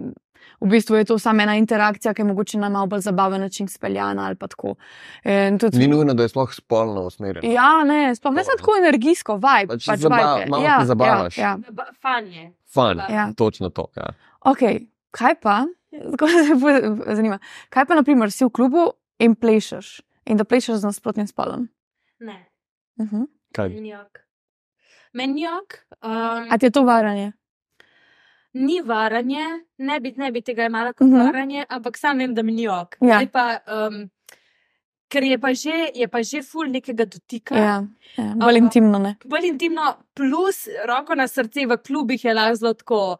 Zelo samo um, iz tega nekega Seksual, seksualnega yes. vzgiba Mhm. in, je, in je tako zelo neka taka instant zadovoljitev. a ne. Mhm. Um, tako da, ki, Jaz bi tudi rekel, pač odvisno, mislim, moje, moje za me osebno je tako odvisno, kako plešeš. a ne. Če ti pač si tako malo uno, pa Ja, ne, ja, ne, ok. Ampak vsi vemo, da ne pač govorimo zdaj o tem. Če, če pa ti grindaš, pa ja, veš, nekaj. Ten grinder. Ne. nima, pa nek val. Ja, Doskrat je, ko, No, mislim, ja, tako, če greš, ne vem. Mm. če greš s frendi ven, doskrat pač padeš v nek tako. Ponovadi Ja. je to itak 5-10 sekund, pač nekaj na izi, malo tako, ko se, ko se glih ujamaš v nek modenc. ali Pa, pa, Mm. mm. ja, spet govorim tako, ne rit na meden, a veš, uno gor, pa gremo akcija. a ne. Dolgi sredi Ja. cirkusa. Zdaj imamo zdaj tako, kar, kar zadeva intimne predele. Ja. Je to neko, ja, to je neko rajcarje. pač to. okay. Če si bila na tem dogodku, a ne? pa si se božala, ne? Ja, Ja. aha. Kaj pa to? tako. Ja. Kot je to? Za tebe je bilo fajn, ne? Zavesten dotik. Ja. Ja. Zavesten dotik, eh, ženske smo itak v nekem varnem okolju, ki je pač prav podprto, tudi s takimi okay. vsebinami v takem kontekstu. Smo pač želeli izmenjavo, energijsko izmenjavo preko zavestnega dotika. Uh -huh. Um, moram reči, da na začetku mi je bilo kar mal neroden, tako Mhm. v bistvu nek, um, ker je tako neka novost, ne pa. Pa že tako vidim, da jaz, mislim, že ful delam na tem, prav zavestno delam na tem, da, da bi uh, nekako razgradila te uh, zidove, ki jih imam, kar se tiče bližine, Ja. dotika, pač če ni to partnera, ne, Mhm. uh -huh. zdaj to vedno Mhm. uh -huh. v izziv, ampak si pa ful želim iti čez to, ker ja. vidim, pač obstajata dva dela mene. En del je ta, ki je tako, ki me, ki me čuva, Uh -huh. a ne, ki je tako nek otrok, ki je tako, ej, pazi na se, da se Ja. nekaj zgodilo. In pa jaz sem tukaj jaz odrasla, ki je tako pač, da je ti bo, pač jaz, jaz že. In želja. Ja, to. Mhm. Um, tako da, evo, ja, včeraj je bilo to strah in želja, um, in na koncu je pač fulaber izpadel. Okej. Okay. Mislim, fulaber izpadel, ful sem uživala v tem in, Ja. in dajanju, in prejemanju okay. želje. Zdaj pa zanima. Rečemo, da je isto okolje, isto energijo čutiš. Samo da pač zraven še nasprotni spol. Kako se ti to zdi? Nasprotni spol. Prav, da Da namesto niso samo ženska- ženske, ampak da namesto pač mešano. Bi, bila, bi bil moški. Ampak ostalo je isto, okolje počutiš se varno, um, pač izmenjava je isto senzualna, kot pa ženski. Mm, čak je odvisno zdaj, um, a da bi se trije naenkrat božali, lahko. a da bi se moj partner. Tako, kar hočeš. da bi se moj, da bi jaz z enim, mož, jaz z enega moškega, on, nik bi eno drugo žensko, ali, ali bi se mi, dva- a veš, to je zdaj full opcij. Ja, ampak hočem reči, če, če naprimer, bi ti bilo drugače, če bi bili zraven še moški. Ne, ne, Ne. ni bilo drugače. Um, ampak je zelo pomembno to. ne. Če bi recimo bila jaz, pa še ena ženska, pa nik zraven, to bi mi bilo v tistem okolju ok. Če bi pa to pomenilo, da um, bi bil nik z neko drugo žensko, Ja. pa jaz z nekim drugim moškim, bi bila pa že malo bolj živčna. Uh -huh. Tako. To, Kaj pa- to zaznavam. Kaj pa če bi bili včeraj, ko mene ni bilo zraven, tam moški in bi ti pris- pristala z moškim skupaj? Ja, bi se zares vprašala, če je to primerno. Uh -huh. Pač, če je to primer, veš, če bi bilo tako, recimo, da bi bilo, ne vem, da bi bile moški, ženske in bi ene ženske bile skupaj, in bi jaz z moškim pristala, bi, bi zagotovo predlagala, da pridem žensko v par. Uh -huh. Um, čist, pač iz tega spoštovanja, ker tudi mene bi bilo ok. Um, to no. Mhm. Pa smo mi to tudi že pogovarjali, kako je to, če pač Ja, če sem jaz žensko in pač je neko to ok. a Ne, tako da Ja. to, je že, to imamo že vse pač eh, zmenjeno nekako. A je Zanimivo je, ne, ker tudi jaz se srečujem v teh uh, situacijah. Pa tako tudi vem, da veliko žensk ne, in pač moških imajo pač podoben pogled. a Ne. Če je ženska žensko, je ok. a Ne. Če je pa pol že moški s to žensko, pa ti pa ni ok. a Ne. Ja. Ja, mislim, čeprav je tle bom jaz mogoče, ker sem zdaj recimo zadnje par dni mogoče malo o tem razmišljal. Uh -huh. Um, pa mogoče ti sploh še tega ne veš. Da, li, live uh, bom razkril svojo, bom, bom, uh, bom ranljiv. Um, pač jaz sem bil včasih tako, ja, sej, whatever. Um, če je pač ženska žensko, to je tako sam, veš, to je vse good, to Ja, ne, ne, ne. ja, ne. ja. Ampak um, zadnje čase pa doskrat, recimo, srečujem ženske, ki so ali bi, ali so dejansko lezbike, um, kakorkoli. In sem ugotovil, da mogoče mi, mi ni čisto vse en, če, je, recimo, če bi neka bila z neko žensko. Ne? Ker sem Mhm. tako, ok, tle se tudi lahko neka čustva razvijajo in to ne pomeni, da sem jaz zdaj safe. Lahko Ja. pač, lahko pač jaz odpadam. ne. In mi, mi, in mi ni več tako, recimo, ne gledam več na to, kot sem včasih, ker mogoče je bila to neka ideja iz pornografije ali pa Mm, whatever. mm, Mm, mm. mm. Dve ženske, to je pa, to je pa vse, kar vsak moški sanja. ne. Ampak ja, mogoče zdaj sem začel čutiti neke zametke, nekega. Pa ne bi rekel čisto ljubosumne, ampak sam tako, Odpor. ni, ne, niti ne odpora, ampak sam tako, ni več, Pazljivosti. ja, pač pazljivosti. Ni več to tako, ne gledam več na to tako, kot pač, a veš, zdaj pa čisto vseeno. ne. Ja, ja. Mislim, sploh če greš v zavesten odnos, um, tukaj pol zagotovo ne greš iz seksualnega vzgiba, a ne, ampak greš pač iz tega nekega um, erotičnega, senzualnega, a ne, Mhm. in to vključuje čustva. Ja. Ne? Tukaj, tukaj pač so potem, ne, v primeru, da so to tri ljudje, pač vključuje tri posameznike, ki pač si izmenjujejo energijo, ki si izmenjujejo čas, ki si izmenjujejo ljubezen, in pač ne moreš, tudi če si ti zadaš neke, uh, neke, dogovore, Mm. ne, ti čustev, ne, mislim, ti tega, kako se boš ti čez čas počutil, oziroma kaj boš čutil do ene osebe, ne moreš Predvideti, ja. Ne moreš predvideti. Mm. Ne? Ja, lahko si rečeš, tukaj zdaj si nalimo ne, čistega vina in se pogovorimo, kje so, Ja. yeah. kje so yeah. meje, ja, to ja, um, naši dogovori, to ja, ampak ko pa pride do čustev, je pa tako, tukaj je pa rizik. A verjamem, da drugače, da če odstranimo vse naše notranje strahove in blokade, da v bistvu vsi ljubimo vse. Ja. ja. Jaz, jaz sem to, ja, jaz sem to, recimo, da temu pred kratkim prišel do tega spoznanja. Mm. da, da ni. Um, se to sem ti v bistvu takrat že, mislim, da na podkastu že malo razložil. Ampak ja, včasih sem odkril, ok, jaz sem z eno osebo in jaz moram zdaj tej osebi dati 100% svoje ljubezni in pač ne morem imeti nič več za, za druge. ne. Ampak um, ni tako. Ne. Mislim, Mhm. tako. Mm, jaz sem spoznal pri sebi, da pri meni ni tako. Mm. Ja, jaz, pač jaz definitivno se strinjam s tem, da če mi ustvarjamo vse to, pač no, we can love each other. ne. Ampak mislim, da bomo prije tudi v zakup real life. In v bistvu čas, in koliko časa mi sploh imamo v življenju, da zares tako ljubimo vse. Jaz mislim, tako, mislim, da si tako predstavljam, če bi jaz živela v nekem plemenu, pa tam, da pač bi uno, ne, rabila, ne bi rabila skrbeti za denar, ne bi rabila skrbeti za hrano, da bi sam ležala tam sredi ene posle, pojedla, ker bi mi zasedela šla na vece, se suširala in da bi pač bil tam milijon folka. Pač herala ljubav. Pa bi pa sam še rala ljubav skozi, ne. Uno je imela pač neomejeno, kdo bi prišel pač uno, welcome, welcome. Welcome.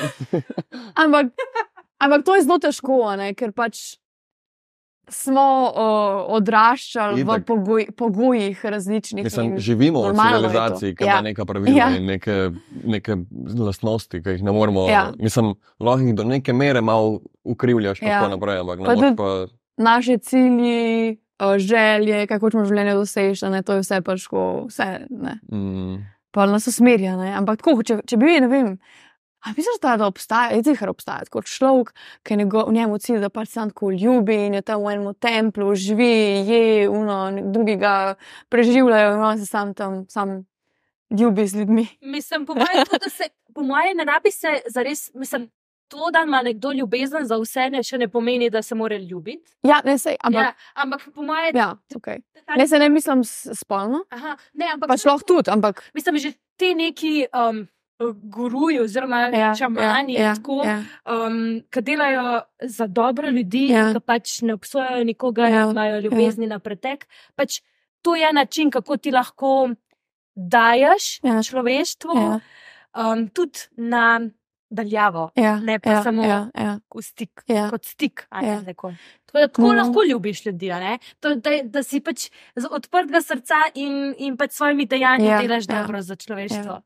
To Ja, to ne pomeni, da moraš zdaj vsakega sprejeti uh, Mm. Ja, itak. tudi intimno. Ja, ja, ja, itak, mislim, Ja. To, itak, to, pa, to pa zmanjka časa. Ja.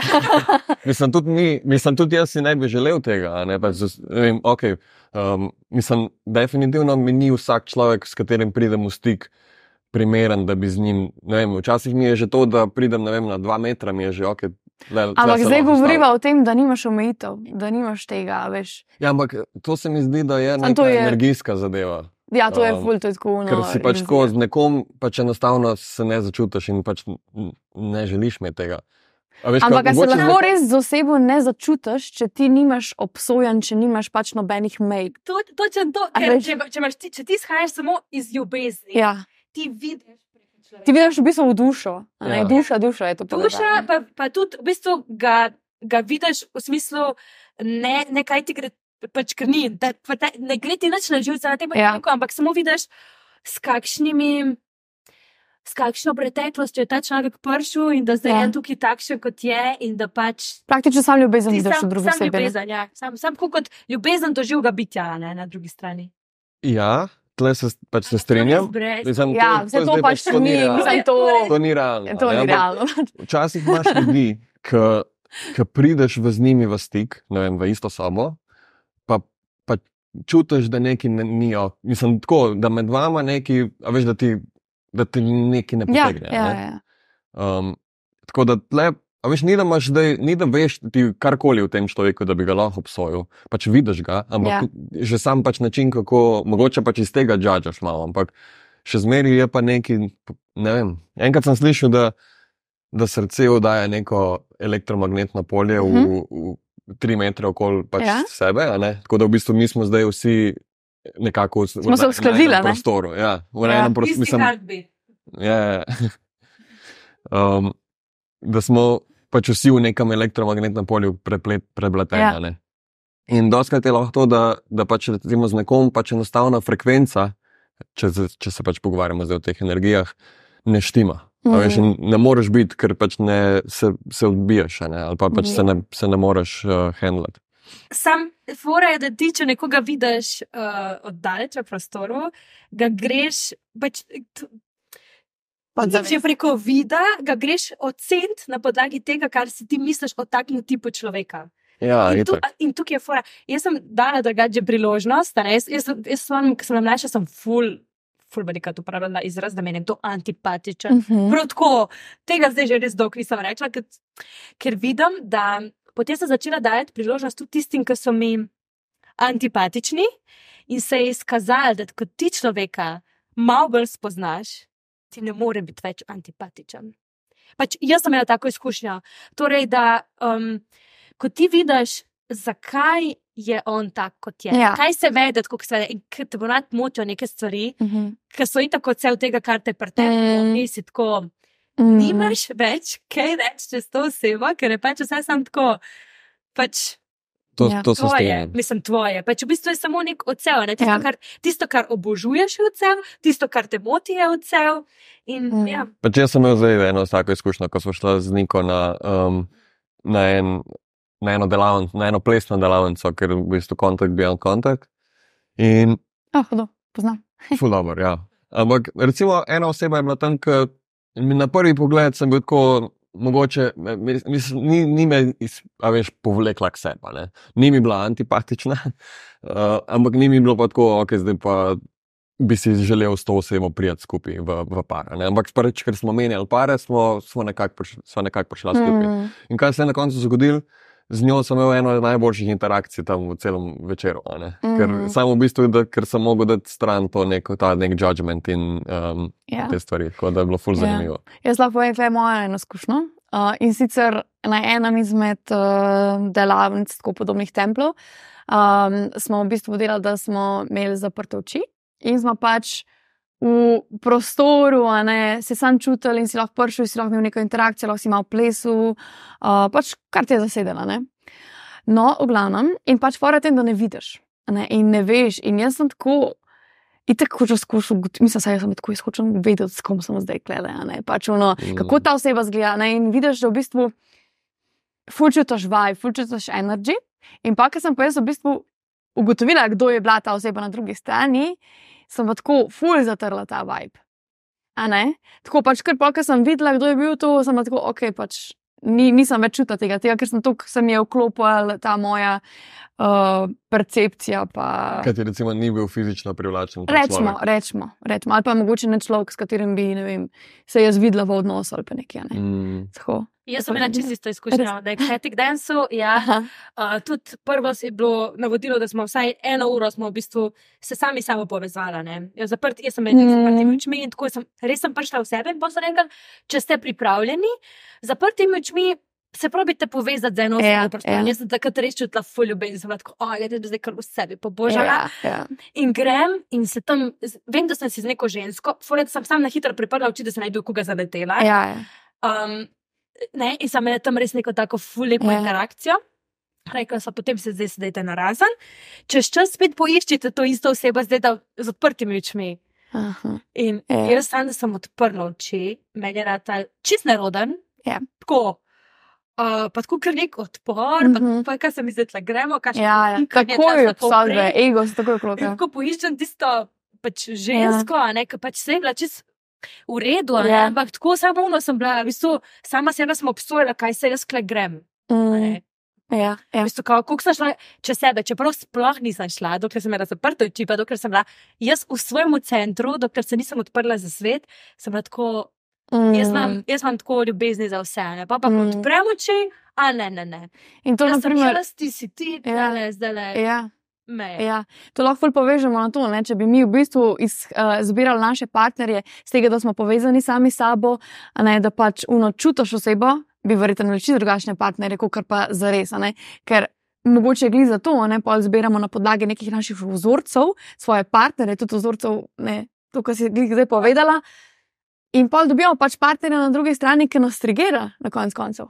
Tudi zaradi tega. Ne? Mm. In jaz bi tukaj se v bistvu tudi fulno navezala na to, zdaj, ko smo se pogovarjali o ljubezni. Ne, po mojem mnenju, ljubezen je brezpogojna, brezmejna, neskončna, ampak odnosi niso. In jaz mislim, da ljudje ful zamenjujejo to. Da zdaj pa morajo biti odnosi, vsi vse sprejemati, pa vse, ker je pač to ljubav. Ne, ljubezen je pojem, je čustvo, je občutek, ki ga čutiš, ne do sveta, do sebe, do drugih. Odnos je pa pogojen, Mm. realno. Hm, dobro. Ja, mislim, v, v, v, od- v odnosu stopamo in tako s tem, k, mislim, Samo odnosi so lahko tudi. eh, Ne, da vstopamo v njih, ampak smo lahko v njih dani. a ne. Recimo odnos z, z družino in tako Ja. naprej. ja, ja, Ja. tak, tak, tak. Ampak te odnosi, ki pa jih sami zbiramo, pa se mi zdi, da ja, velikrat zbereš odnos na podlagi tega, ker lahko neki, mislim, ne hote, ampak pač neki ti daje, a ne nazaj. Mislim, Mm, mm. o, Ja, je, a ne. itak, itak. Med itak. biti itak. Izmenjava je. Vzajemnost mora Ja. ja. biti, a ne, da, da sploh, da sploh vrata odnos. Ja. Ja. Ker se če ne si pa lahko kar sama. Ne, mislim. Mm. Ja, itak. Zato si pač poiščeš. Problem je sam, ker velikrat greš nekega velikega mankota a ne, in mm. potem pričakuješ, da ti bo oseba na drugi strani to dala Ja. in potem hlastaš in tako. Ja. Ampak. No, to, evo, um, na našem študiju smo se tako tem, tudi o tem pogovarjali. In v bistvu mi kot odrasli pač vstopamo v odnose in potem pričakujemo, pač, da nam bo nekdo dal ljubezen in skozi, da mi še, da mi še, da mi še, iz te neke luknje, ki jo imamo. Ja. V resnici pa no, nihče ne more zadovoljiti te naše praznine. Uh -huh. Um, Mm. pač mi, jaz obiskujem to telesno psihoterapijo in sem pa prišla tako tja do naše predavateljice in sem rekla. Pač, to res ni, res ni možno, da ti druga oseba je rekla, možno je preko terapevtskega procesa, Uh -huh. ker v bistvu to je tista ljubezen, tista prvinska ljubezen, ki je Ja. te podmankala Ja. Ja. in, in jo iščeš. Torej, meni se je moja zavest zataknila, ne vem, pri v, v, v zgodnih fazah življenja in iz tukaj jaz iščem ljubezen v življenju. Mm. Mm. Ampak nihče mi je ne more dati, Ja. kot kar v bistvu sama sebi, preko terapije, s terapeutom, ki mu zaupam. Ne, in ki mogoče potencialno lahko odigra vlogo starša, Ja. Ja. uh, ki bi ga takrat jaz potrebovala. Ja. Jaz sem celirana, Tako. imam napolnjeno luknjo, Ful dobro. lahko naprej To si zdaj vrhunsko razložila. Bravo. Ha. To sem si ful zapomnila, ker sem rekla, "A jaz res v odnosu ne morem rekla. Ne. Ve, Ja. ja. Vedno boš dobila tako neko ordinary love, Ja. ja. veš, ne, ne pa uno prvinsko, ki, si jo nuca. Mm. Ker v bistvu jaz sem tudi pač na tej somatski, to je pač telesna eh, coaching, telesni coaching in točno to je cilj tega coachinga. Da ti vzpostaviš eh, stranko, odnos, ki je real, torej resničen odnos, in na podlagi tega odnosa stranka lahko v bistvu gre v svoje globine, razrešuje svoje potrebe s tem, da dobi, kar ni imela. ne. Ker v drugih odnosih pač se to nikoli ne bo zgodilo. In tudi, če bi pač ta terapeut in ta stranka, ali pa coach stranka, šla v real life in tam imela odnos, se vse spremeni, ker tam tera- terapeut več ne bo terapeut, ampak bo oseba zase. In zato je to pomembno, če hočemo mi narediti premike, da imamo na drugi strani ne partnerja, ampak terapeuta. Ne, ker partner nas bo pač po večini trigeril, pač nam bo pomagal do neke točke, ampak pač ne je več ali manj na nas. Terapeuti pa lahko da tisto, kar v tistem trenutku ti rabiš. Mm. Dobro. Cel setting je tak, ne? narejen. Hm? Cel setting tega. Ja, to sem tega to. je- Pač relationship lab, mi ti rečemo relationship lab, prav ustvariš okolje, ki je pač perfekt odnos. Oseba na drugi strani ti je vzgled, kako naj bi mogla oseba delovati s čustvi, um, z obnašanjem do tebe, veš, sprejme vse potrebe. Ja, se ima tudi meje, ampak za tega, da se tudi ti učiš potem upoštevati meje od drugih ljudi v real life. ne. Mm. To je ful zanimivo. Pa kar težko tudi tega. Uh, v bistvu je težko, jaz bi se še rekla eh, z mojo terapevtko. Uh, ona je ful, jaz sem si njo zbrala, zato ker sem ful začutila neke te materinske uh Mhm. -huh. energije. No, in ona res to zelo dobro, um, to vlogo zelo dobro uh Mhm. -huh. upravlja.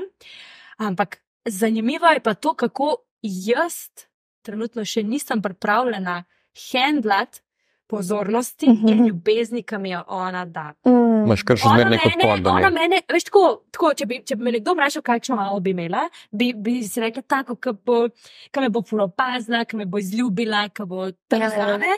In pa ona res odigra to vlogo in sem jaz tako, le, Mhm. čakaj malo. Oh, Kaj je to zdaj, ona mene, a veš, več, maj, kje si srce, pa me izljubi, ne, tako hrvaško govori, pa, pa mi da lupčka na lička, pa vse je tako, vse reče, Mhm. če bo kdaj kaj to mač mi povej, pa meni paša, pa je stano, pa koliko tudi nisem pripa- em, zmožna tega držati, a ne, Mhm. ker pač mi je to tok nekaj nenavadnega, ne, ampak s tem Mhm. se pač celijo neke rane, pač jaz to čutim. Ja. Spet strahovi in želje, ne vem kako Ja, ja, ja. je to pač noro. Dobro, si to Ja. ti povedala. Hudo. Um, odnos. Ja. Kaj pa zavesten odnos? Kaj to vama pri, uh, predstavlja? Kaj pa tebi to predstavlja? Kaj meni? Se turn. Tako je uno, veš, kaj nama. Ja, zdaj kupaš. ja. Kaj meni to predstavlja? Um, ja, meni to predstavlja prvo kot prvo, da si v odnosu sam s sabo, samim seboj, da poznaš svoje potrebe, da jih zaznaš, svoje potrebe, meje in tako naprej. Mm, da veš, kaj potrebuješ, mogoče tudi v zameno, in pa predvsem to, da sodeluješ med, Mhm. med sabo. To se, pravi, da, to se pravi, da obe osebi izhajata iz tega, kar sem najprej povedal, to se pravi iz tega poznavanja sebe in Mm, um, zavest, samozavestnosti, to se pravi zavesten odnos s seboj, mm, in potem, da iz tega pač prideš skupaj. Zdaj, to ni nujno, ne vem, mi dva mogoče nismo začela s tega, da, da, da sem bila oba dva zavestna, vsaj jaz zase lahko to govorim. Um, ampak sem pa recimo z Nikino pomočjo prišel tudi jaz do tega, ker mm, dejstvo je, da um, je v najnem odnosu Nika bolj ta inicijator, kar se tiče te osebne rasti, pa Mhm. mogoče tudi eh, partnerske rasti. mm. In je mene pa posledično, Pa Bravo te, bravo te, da slediš. je mene posledično pač to povlekel v to. Ja. Ker pr, dve stvari sem opazil. Prvo kot prvo se mi je zdelo, da okay, če to počneva, je najen odnos eksponentno boljši. To ni, da gre, da gre tako gor, ampak tako. Ja, ja.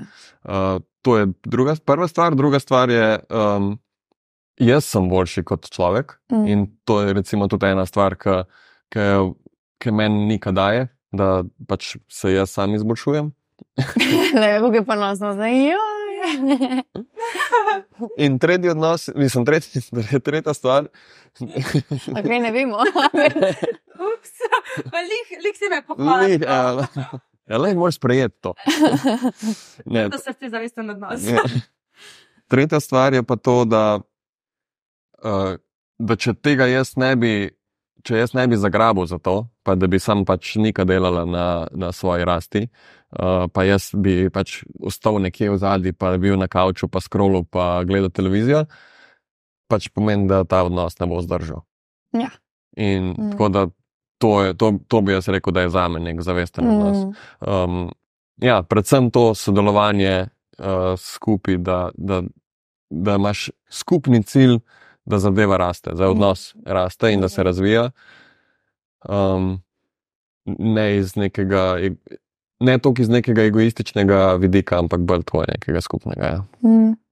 In meni se tudi zato pač uh, rast v odnosu zdi tako.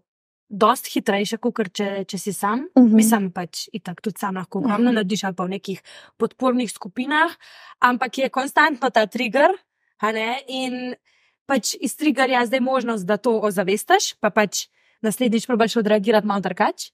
Um, ali pa pač ja, si dovolj, da te to potegne na neko centrifugo. Bi Pa, pač ti si fulano že to povedal, pa ful si dobro rekel to uh, gledanje televizije, pač scrollanje. Uh, mi dva v bistvu že od začetka odnosa nimava televizije. Mhm. In se mi zdi, da to je tak nek game, uh, Game game changer. changer. Ja, definitivno. Ker pač mi dva, ja, velikokrat se zgodi, da so večeri tisti čas, ki ga imamo zase. Mhm. In a ne, takrat je človek, velikokrat je občutek, kakor da, da so samo še ostanki tebe. Ob koncu Ja, dneva, a ne ja. tako, v bistvu tudi baterija ti gre tako na 30 posto. Um, uh, in najlažje bi bilo se preklopiti na nekaj, kar te bo zabavalo, Ja. ja. in tako ne. No, mi dva sva pa tudi, mislim, čez čas se je uspelo to zgraditi, ne, da, sva, da zdaj pač sediva na kavču zvečer, včasih se razvija kakšna ful dobra debata, včasih je bolj res samo to neko preživljanje časa, samo s tem, da si eno drugemu. Mm. In nama to pač ogromno da. Ne? Pač, lepo. ja, da, da, da, da dava tudi prostor za to, da se razvije neki, ali pa ne. Mm. ne tako, ker čim bi gledala pač v neko stvar, bi, Mm. bi Ja. pač uživela vsak v svojem svetu. Mm. Kar se je zgodilo tudi. Pač, mogoče nismo imeli televizije v smislu poročil, pa pop TV, pa teh stvari. Imela smo nekaj časa televizijo za Netflix. Mm. Ampak bolj smo v neki točki padla v neko serijo. Um, in v tistem času sem jaz prav, mislim, tako, se je prav čutil, da je naj odnos začel nazadovati na nek Mhm, način. mhm. Zaradi tega, ker zvečer je bil pol zdaj čas za serijo in itak te to potegne narejenje za to, da te Valjda, potegne. ja, pač pa- narejenje za to, da je to bolj. Kaj sta pa gledala? uh, Ma, Niko. eno, dve, tri različne. Aha. Um, Noč, ki je ta zgodba. Noč, ne. ja, ne bomo promovirali. Okay, ja, se pravi. Um, Ampak- ni sponzor, ne. Je. Ampak, uh, ja, pač v tistem trenutku je, a veš, bilo tako, ok, sam jaz sem čakal na to serijo, a ne. Mm. ker pač mene to potegne, mi je to nekako, sej še zmeraj mi je všeč, kdaj pa kdaj pogledati. a ne. Samo da to ni uno vsakodnevno, veš, pol pa, pol pa začneš gledati serijo, ki ima šest sezon po 20 epizod, pa lahko si za štiri leta dober. Ja, k sreči, eh, k sreči sem jaz tista, ki zaspim pri seriji, Aha. tako da nekako je pa to um, ja, je bil povod, da pač to skenslala. ja. Aha. Ampak pol na neki točki so pa televizijo čist dala stran in mm. Jaz zdaj pač tako. Dober. Jaz, tudi, jaz iskreno tudi ne maram tako gledati televizije. Pač. Um, mislim, tako, ne gledam televizijo na splošno, ampak tako tudi s filmi. Mene ful izguba časa to, ker vem pač, da bi jaz viš čas lahko ful kvalitetno preživela pač s svojim partnerjem, ne pa da gledam zdaj tisti putast film, ker na koncu koncev pač ono kaj. Wow. Mislim, meni je drugače dobro gledati filme. Ja, zato, ker- občasno. Ja. občasno. ja, ja, ja. Če je to Če- neka izbrana aktivnost spet. A Ja. Veš, da nisem tako, ok, idemo zafilati luknjo. Pa rečemo, da sta pač prej se že dosti pokonektali, ampak meni, če manjka pač nek connection, pač jaz ne bom filma gledala, me, to, to meni nič ne pomeni. Jaz se tako fokusiram na nov film, pač kaj je pol. Mm. Jaz ko. Mislim, nisem eno je, eno je, da si ti. ti si sam Netflix. Za vse včasih, da greš sam čil. jaz sem rada začel. Pa A ja. tako pač, tudi ne vem, mene, mene je škoda, jaz pa ali tako, jaz, če tisti film gledam, jaz pa najraje seksam pol. Jaz pa ponovadi ne pogledam do konca. A ja. Vsaj ponovadi nisem. Mislim, sama raje gledam, drugače pa načeloma ne, ne pržigam neki ful. Pa še to tako, ne vem, imela sem obdobje, ko sem po, nisem pogledala več mesecev nobenega filma, nobene serije, potem pa obdobje, ko pa pač mi malo zasede, pa gledam, ampak sem tudi ugotovila, da takrat ponovadi bežim od stvari. Mhm. Mislim, jaz mislim, da je zelo velika razlika, če govorimo zdaj o partnerskem gledanju televizije. Ja, ok, dobro, A, to je. a ti pač gledaš televizijo, pa iščeš nekaj, da mogoče boš najdel kaj, Ja. pa pač s tem bežiš od Ja, nekega ja, ja. odnosa. Ali, ali je to, da, da ti se zavestno odločiš, ok, danes greva pa v kino, ali pa Ja, danes ja, si pa ja, pogledala en dober. film, In pa pripravila kot nek tak mini date. a ne? Ja, ja. No, to je full fajn. To je čist drugo. Je. Eh, Čist iz, drugih, iz drugih um, vzgibov greš na to. Ne? Ja. Ne, ne. No, zavesten odnos je zagotovo za me tudi komunikacija. Ja, it- Pač tako, to se ve, da to zdaj že cel dan ponavljamo. Ampak tako res, pač komunikacija je. To je tako noro, ko misliš, da si že na neki stopni komunikacije. Mislim, Ja. misliš, da to zdaj je pa fulno, gre Mm. dobro, pa, pa pride spet neka prelomnica, pa te sam še bolj pušne, to, da moraš Ja. še več stvari skomunicirati, pa da, um, da si še bolj iskren in pa je tudi tako malo ta igra, ki vidiš, ok. Um, me, sem jaz zadnje čase ful ugotavljam, da to, da, da sem, če, sem, če iskreno govorim iz sebe, Mhm. um, mi v bistvu nar- pač mi, je- najbolj koristno, Mm, ever. mm. Tako. In presenetljivo, ker si misliš, ok, dobro, res je, da imam tu zdaj take odnose okoli sebe, vključno z znanjem odnosov, ne, ampak ko povem eno stvar, ki se ful bojim, ker si delam scenarije v glavi, pač že kaj, kakšen bo odziv in zakaj tega jaz ne, ne bi povedala in se bom raje sama sebe sabotirala. Ko povem in je pozitiven odziv, mm. Meni osebno je to največja rast, mm. ker recimo tudi Ja. ja. zakaj kakšnih stvari kdaj ne bi želela povedati, je zato, ker sem imela verjetno v preteklosti negativno izkustvo. Ampak, če ne dam zdaj v sedanjosti priložnosti za to, da bi doživela pozitivno izkustvo, ne bom nikoli mogla te rane pozdraviti. Mm, Tako da to je recimo, to je recimo mi dva ful, um, ful vadva zdaj, oziroma prakticiramo Mm. v odnosu. Ne? In se res izkaže za tako, ne da te, da te razdvoji, ampak naj v tem primeru tako sam še ful bolj pokonaj. mm. Ja. Sam je pa res, ja, da tukaj. Mogoče je to malo babel, ker mogoče nekateri pa niso pripravljeni tako. Um, Definitivno niso. Mm. ne, niso pripravljeni. Tako da Ja. ja. mogoče tukaj, ne vem, če bi se raje na to navezali, veš, kaj pa takmu človeku priporočata. Ne? Pač, Torej, če kaj, če eden. če recimo, eh, ne vem, eh, jaz bi recimo želela nekaj res dati ven iz sebe, ker vem, da pač. Se mi zdi, da bo to ful dobro za en odnos, ampak na drugi strani pa pač konstantno dobivam nazaj neke blokade. Zdaj, kar se tiče pač izražanja iz sebe, ne pa komuniciranja, vidim pač, da mi dva z nikom, mm, sva dve taki osebi, ki so pač pripravljena prisluhniti en drugemu. Je pa res, da niso vsi odnosi taki. Mm. Jaz vidim, da sem tukaj mogoče malo ujeto v nekem bablu in včasih ne znam svetovati ljudem, ki pa Ja. so v situaciji, kjer je nekdo, ki želi sebe izraziti, in na drugi strani vedno dobiva neke, um, neke kako bi temu rekla, blokade oziroma Ja. Negativne Ne- feedbacke. negativne feedbacke. Tako je. Ja. In kaj, kaj narediti v tem primeru? a ne? Ja, to se pa že definitivno v lifeu ful dogaja. Ne? Jaz sem tudi sama imela zdaj par primerov, sploh na par odnosih, par prijateljcah. Um, in jaz bi tukaj pač rekla, da ti pač delaš to, ne rasteš, probaš komuniciraš, proba- probaš, probaš se izražati.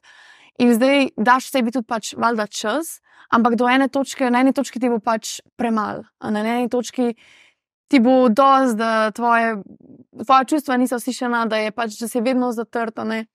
In takrat pač pride do nekega razhoda oziroma do prekinitve odnosa in to pač takšno je življenje. Tudi jaz sem drugače živela dost malo tako v tej neki iluziji, jo, mi bomo pa prijatelji forever. Ampak če pač to veš tukaj omenila, ne, da meni osebno je to, kar zdaj ljudje ful uporabljajo in sem slišala tudi v teh prejšnjih odnosih, ja, meni je, men je odnos flow, ne.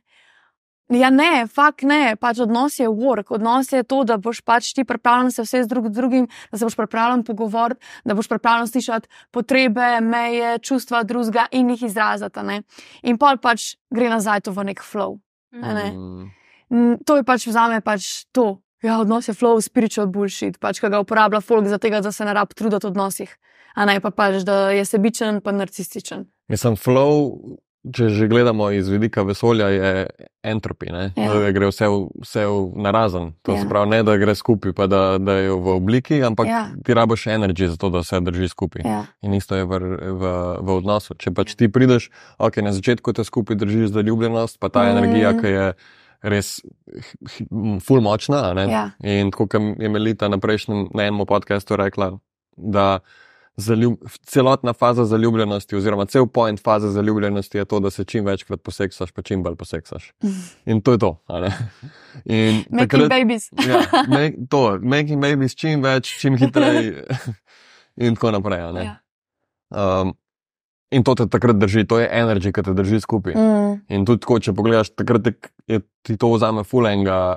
Uh, life energy v smislu, Ja. ja. a veš, mogoče imaš, ne, ne delaš tako močno, nisi tako s frendi, ker pač vse vlagaš v ta odnos Mm. in je ful naravno. Ampak polk to mine, ta faza, ja. Moraš vlagati energijo, moraš vlagati work. Moč najti drug lepiv. ne, In lepiv Ja. ja. je pač odprta komunikacija in pač želja po tem, da si ti v tem odnosu. Tako. To je najbolj pomembno.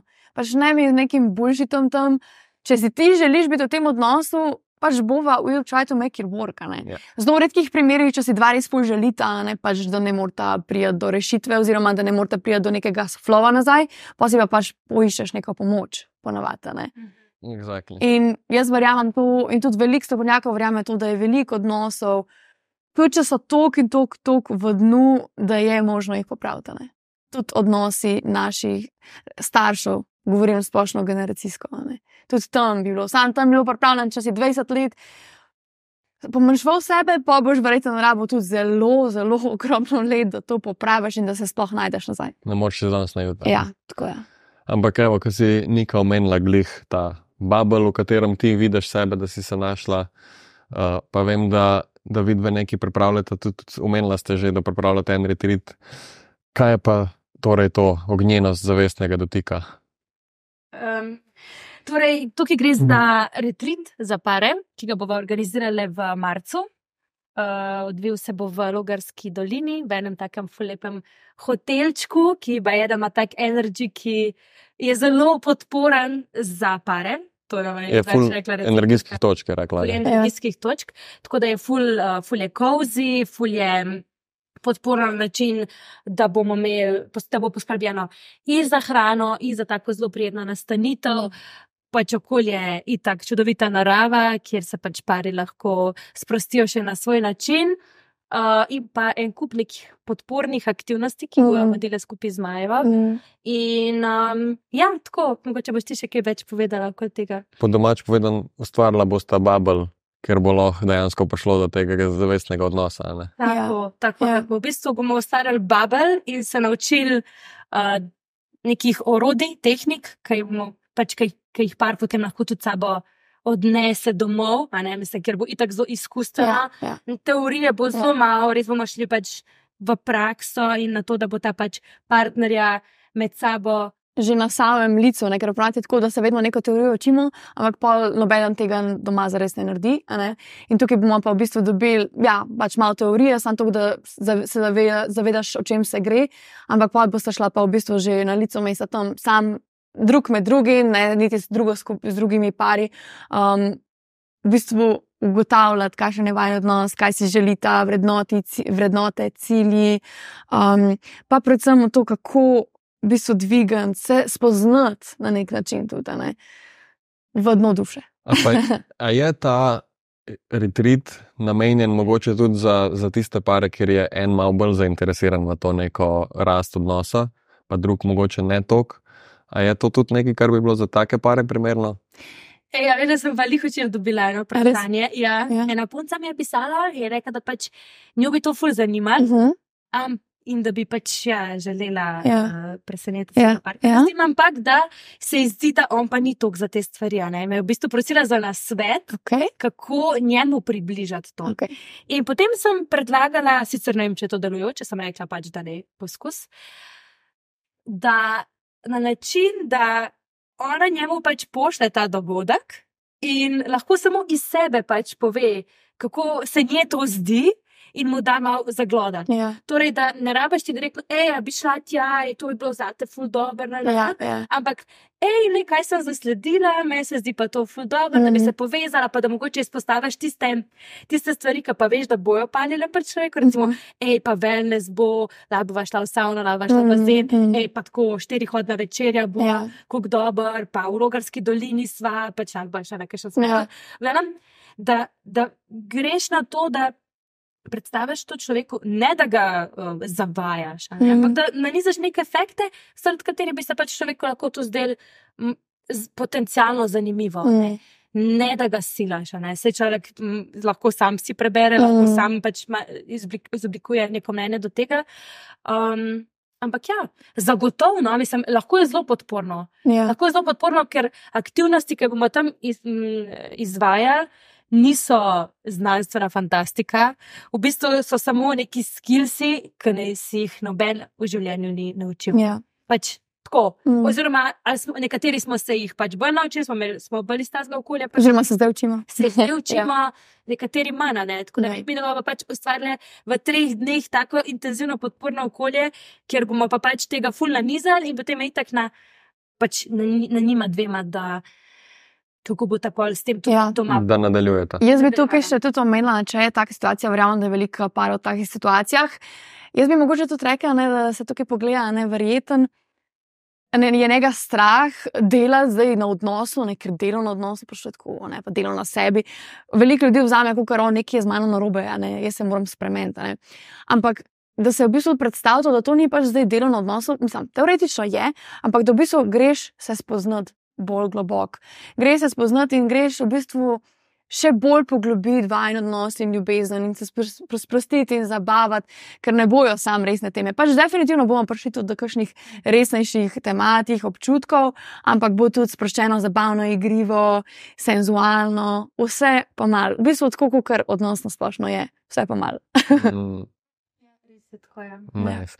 A boste mogoče malo povedali, približen, kakšne tematike ali pa kakšne aktivnosti lahko pričakujejo, čisto, da mogoče malo gremo čez to, da približamo komu mogoče sam iz, iz vidika aktivnosti. Mm. Ja.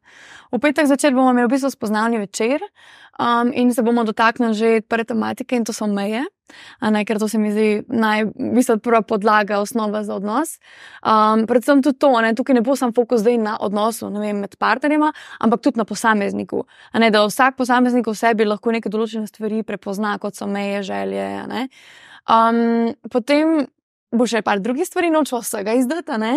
Um, Torej, v soboto, do povdan, sobota bo najbolj pestra, bova imela že v bistvu takoj Uh, ta reper. repair conversation.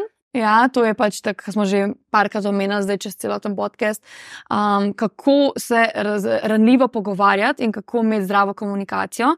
Torej, dobro, svetno praktično bomo šli vaditi drug z drugim, pač v paru. Ne. Kako to sploh narediti, ker mogoče je tako pač ful, zdi se easy, ampak na koncu koncev je kar malo ni tako easy, ne. Sploh, ker so proslatni triggeri in to. Tako? Pol v bistvu bomo se tudi pogovarjali o tem, kako izražati svoje pač meje, a ne? Ja. oziroma svoje meje, izražati svoje potrebe, svoje želje in pač to, da se naučiš Ja. poslušanja. Ja, ja. Pač, to je tudi zelo pomembno, ne? Ja. to bo i tako Ja. poslušala ja. tudi tega. Tako da sobota bo imela dosti poudarka na tem, potem pa zvečer. Zvečer bomo pa v bistvu malo se zadihali, sprostili, ker to zna biti kot čustveno zelo nabito. ne. In bomo imeli tempo delavnico, kjer se bomo učili zavestnega dotika, tukaj je pač Rožinika omenjala. Um, in na, v bistvu bomo pripeljali tudi posebno gostjo, uh, Kajo iz Kinkija. kinki.si, kjer bo pa predstavila tudi, kako lahko popestrita svojo intimo z raznimi stvarmi. Um, tukaj bo pač dosti podarek tudi pač na spolnosti. Tako da uh, bo zelo pestra, zanimivo, v bistvu se vede z neko fulveseliva tega dela. Um, tako, Mogoče disclaimer, no, ja, da se ne bo kdo tega ustrašil, pač to bomo delali v parih Ja. s svojim ja, partnerjem. tako. In tudi ne bo golote in tega. Mislim, Ja. ja. pač, da ne bo. Ja. Mislim, tako. Ne bo, no. Ne, ne, se ne. ja, ni, ni to. Uh, Pol v sobi zvečer. Ja, v sobi že to bojo v bistvu tako malo predigrane, da bo stavne dva lahko nadaljevala potem uh, svoje, v svoj, za štirih stenah, Ja. kogarkoli. No, samo tako, če ima kdo kakšne zadržke, Ja. da, da ima predstavo, Ja, tem, ja, ja. da pač tukaj se spoštuje, pač, eh, tudi, ne, če delamo na mejah, Ja. spoštujemo meje posameznikov. Seveda. Tako da definitivno pač bo vsak lahko zadržal svoji. Tudi vse bo tako zelo diskretno, ne zdaj. Um, lahko bo vsak kot sama, kot par šla, ne vem, do naju, do kaja. Ne, uh, v tistem zadnjem delu pa tako vprašala, kaj, eh, da dobita kakšno priporočilo. Um, ampak in tudi zavestni, sam dotik bo res tako pač izmenjava med njima, da se res naučita. Tega. No, in potem, pač, kar bojo doživljali, bojo lahko odnesli s sabo naprej. Pač ne moramo predvideti. V hotelsko sobo. Ja, tako je, moramo predvideti, kaj so zatil, Ja. ampak ja. čisto k nam za predstavo. In Ja. potem Nice. nedelja bomo imeli pa še malo uh, še ločene aktivnosti. Za moške in za ženske. Mm. Um, Ker je tudi to pomembno, ne, da se moški med sabo malo povežejo in ženske med sabo, in eh, tudi mogoče damo ven, ne, tudi vent, vent je ful pomemben v odnosih, ne da daš nekomu ven, kaj te tako pač mot, brez da rabaš paziti na to, da boš drugo osebo. Pač, naprimer, prizadevane. Tako da bo ful tudi povezovanje ženske-ženske, ker pol več, ker ženske na kupu, več je te energije, in pa, ko k svojemu moškemu, je tako več tega balansa, polarnosti. ja. Tako. To in potem še neka povezovalna aktivnost Ja. na koncu, pač, tako da lepo zaobjamemo vse, kar bomo v teh parih dneh skupaj Ja, kreirali.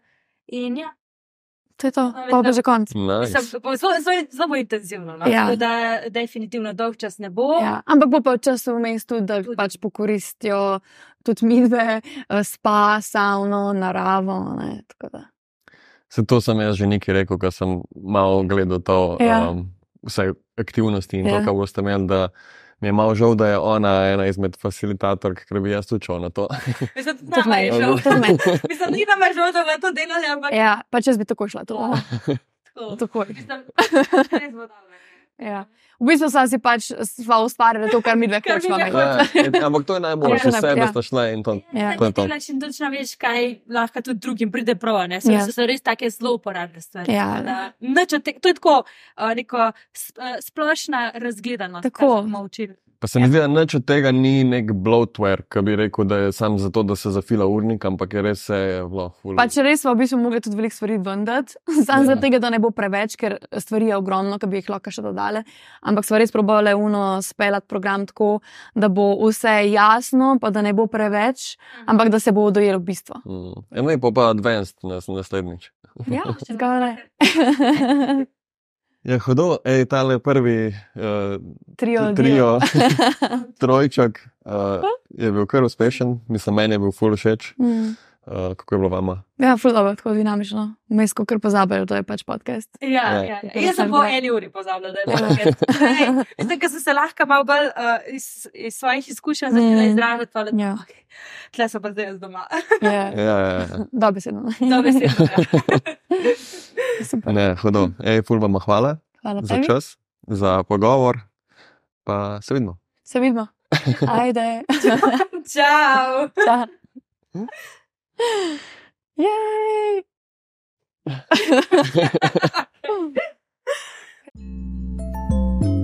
Tišina ni, ni bavbava, ne. Seveda, da ni babo. Uh, Tako ga zdaj gledamo. veš. Gled, ko umesa, veš. Tako kot te luči, a veš, kaj jaz, ki sem tako. Ja. So ne tako nekam. Mimo gleda. Je tako je samo naravnost, ko umem najvo, veš. Ja. Vse na uni kameri sem na uni. Ja, sej. Ok.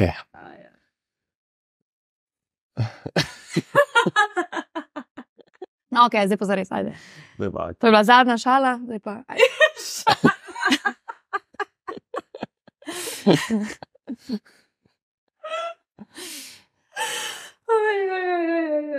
Aj to šalce. Ja, ampak je to gojenka, da še. Ampak je šala, v bistvu, ne, zato je res smešen. ne. Majki, mi tako po moje najboljši jok v mojem lifeu. Boš še smešen. je,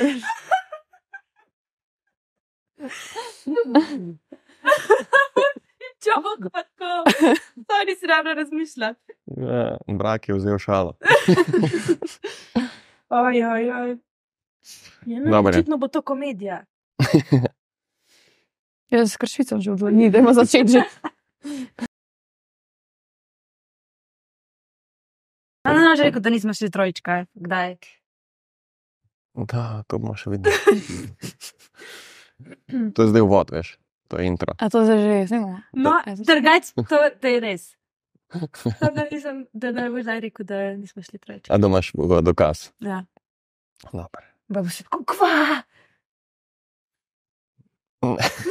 Ja, to bo, samo noč, to, to bo v vodi. Samo noč rekel, da nismo še nikoli trojčki. Ja, Ja, ja dej, dej, res, več to bo, to bo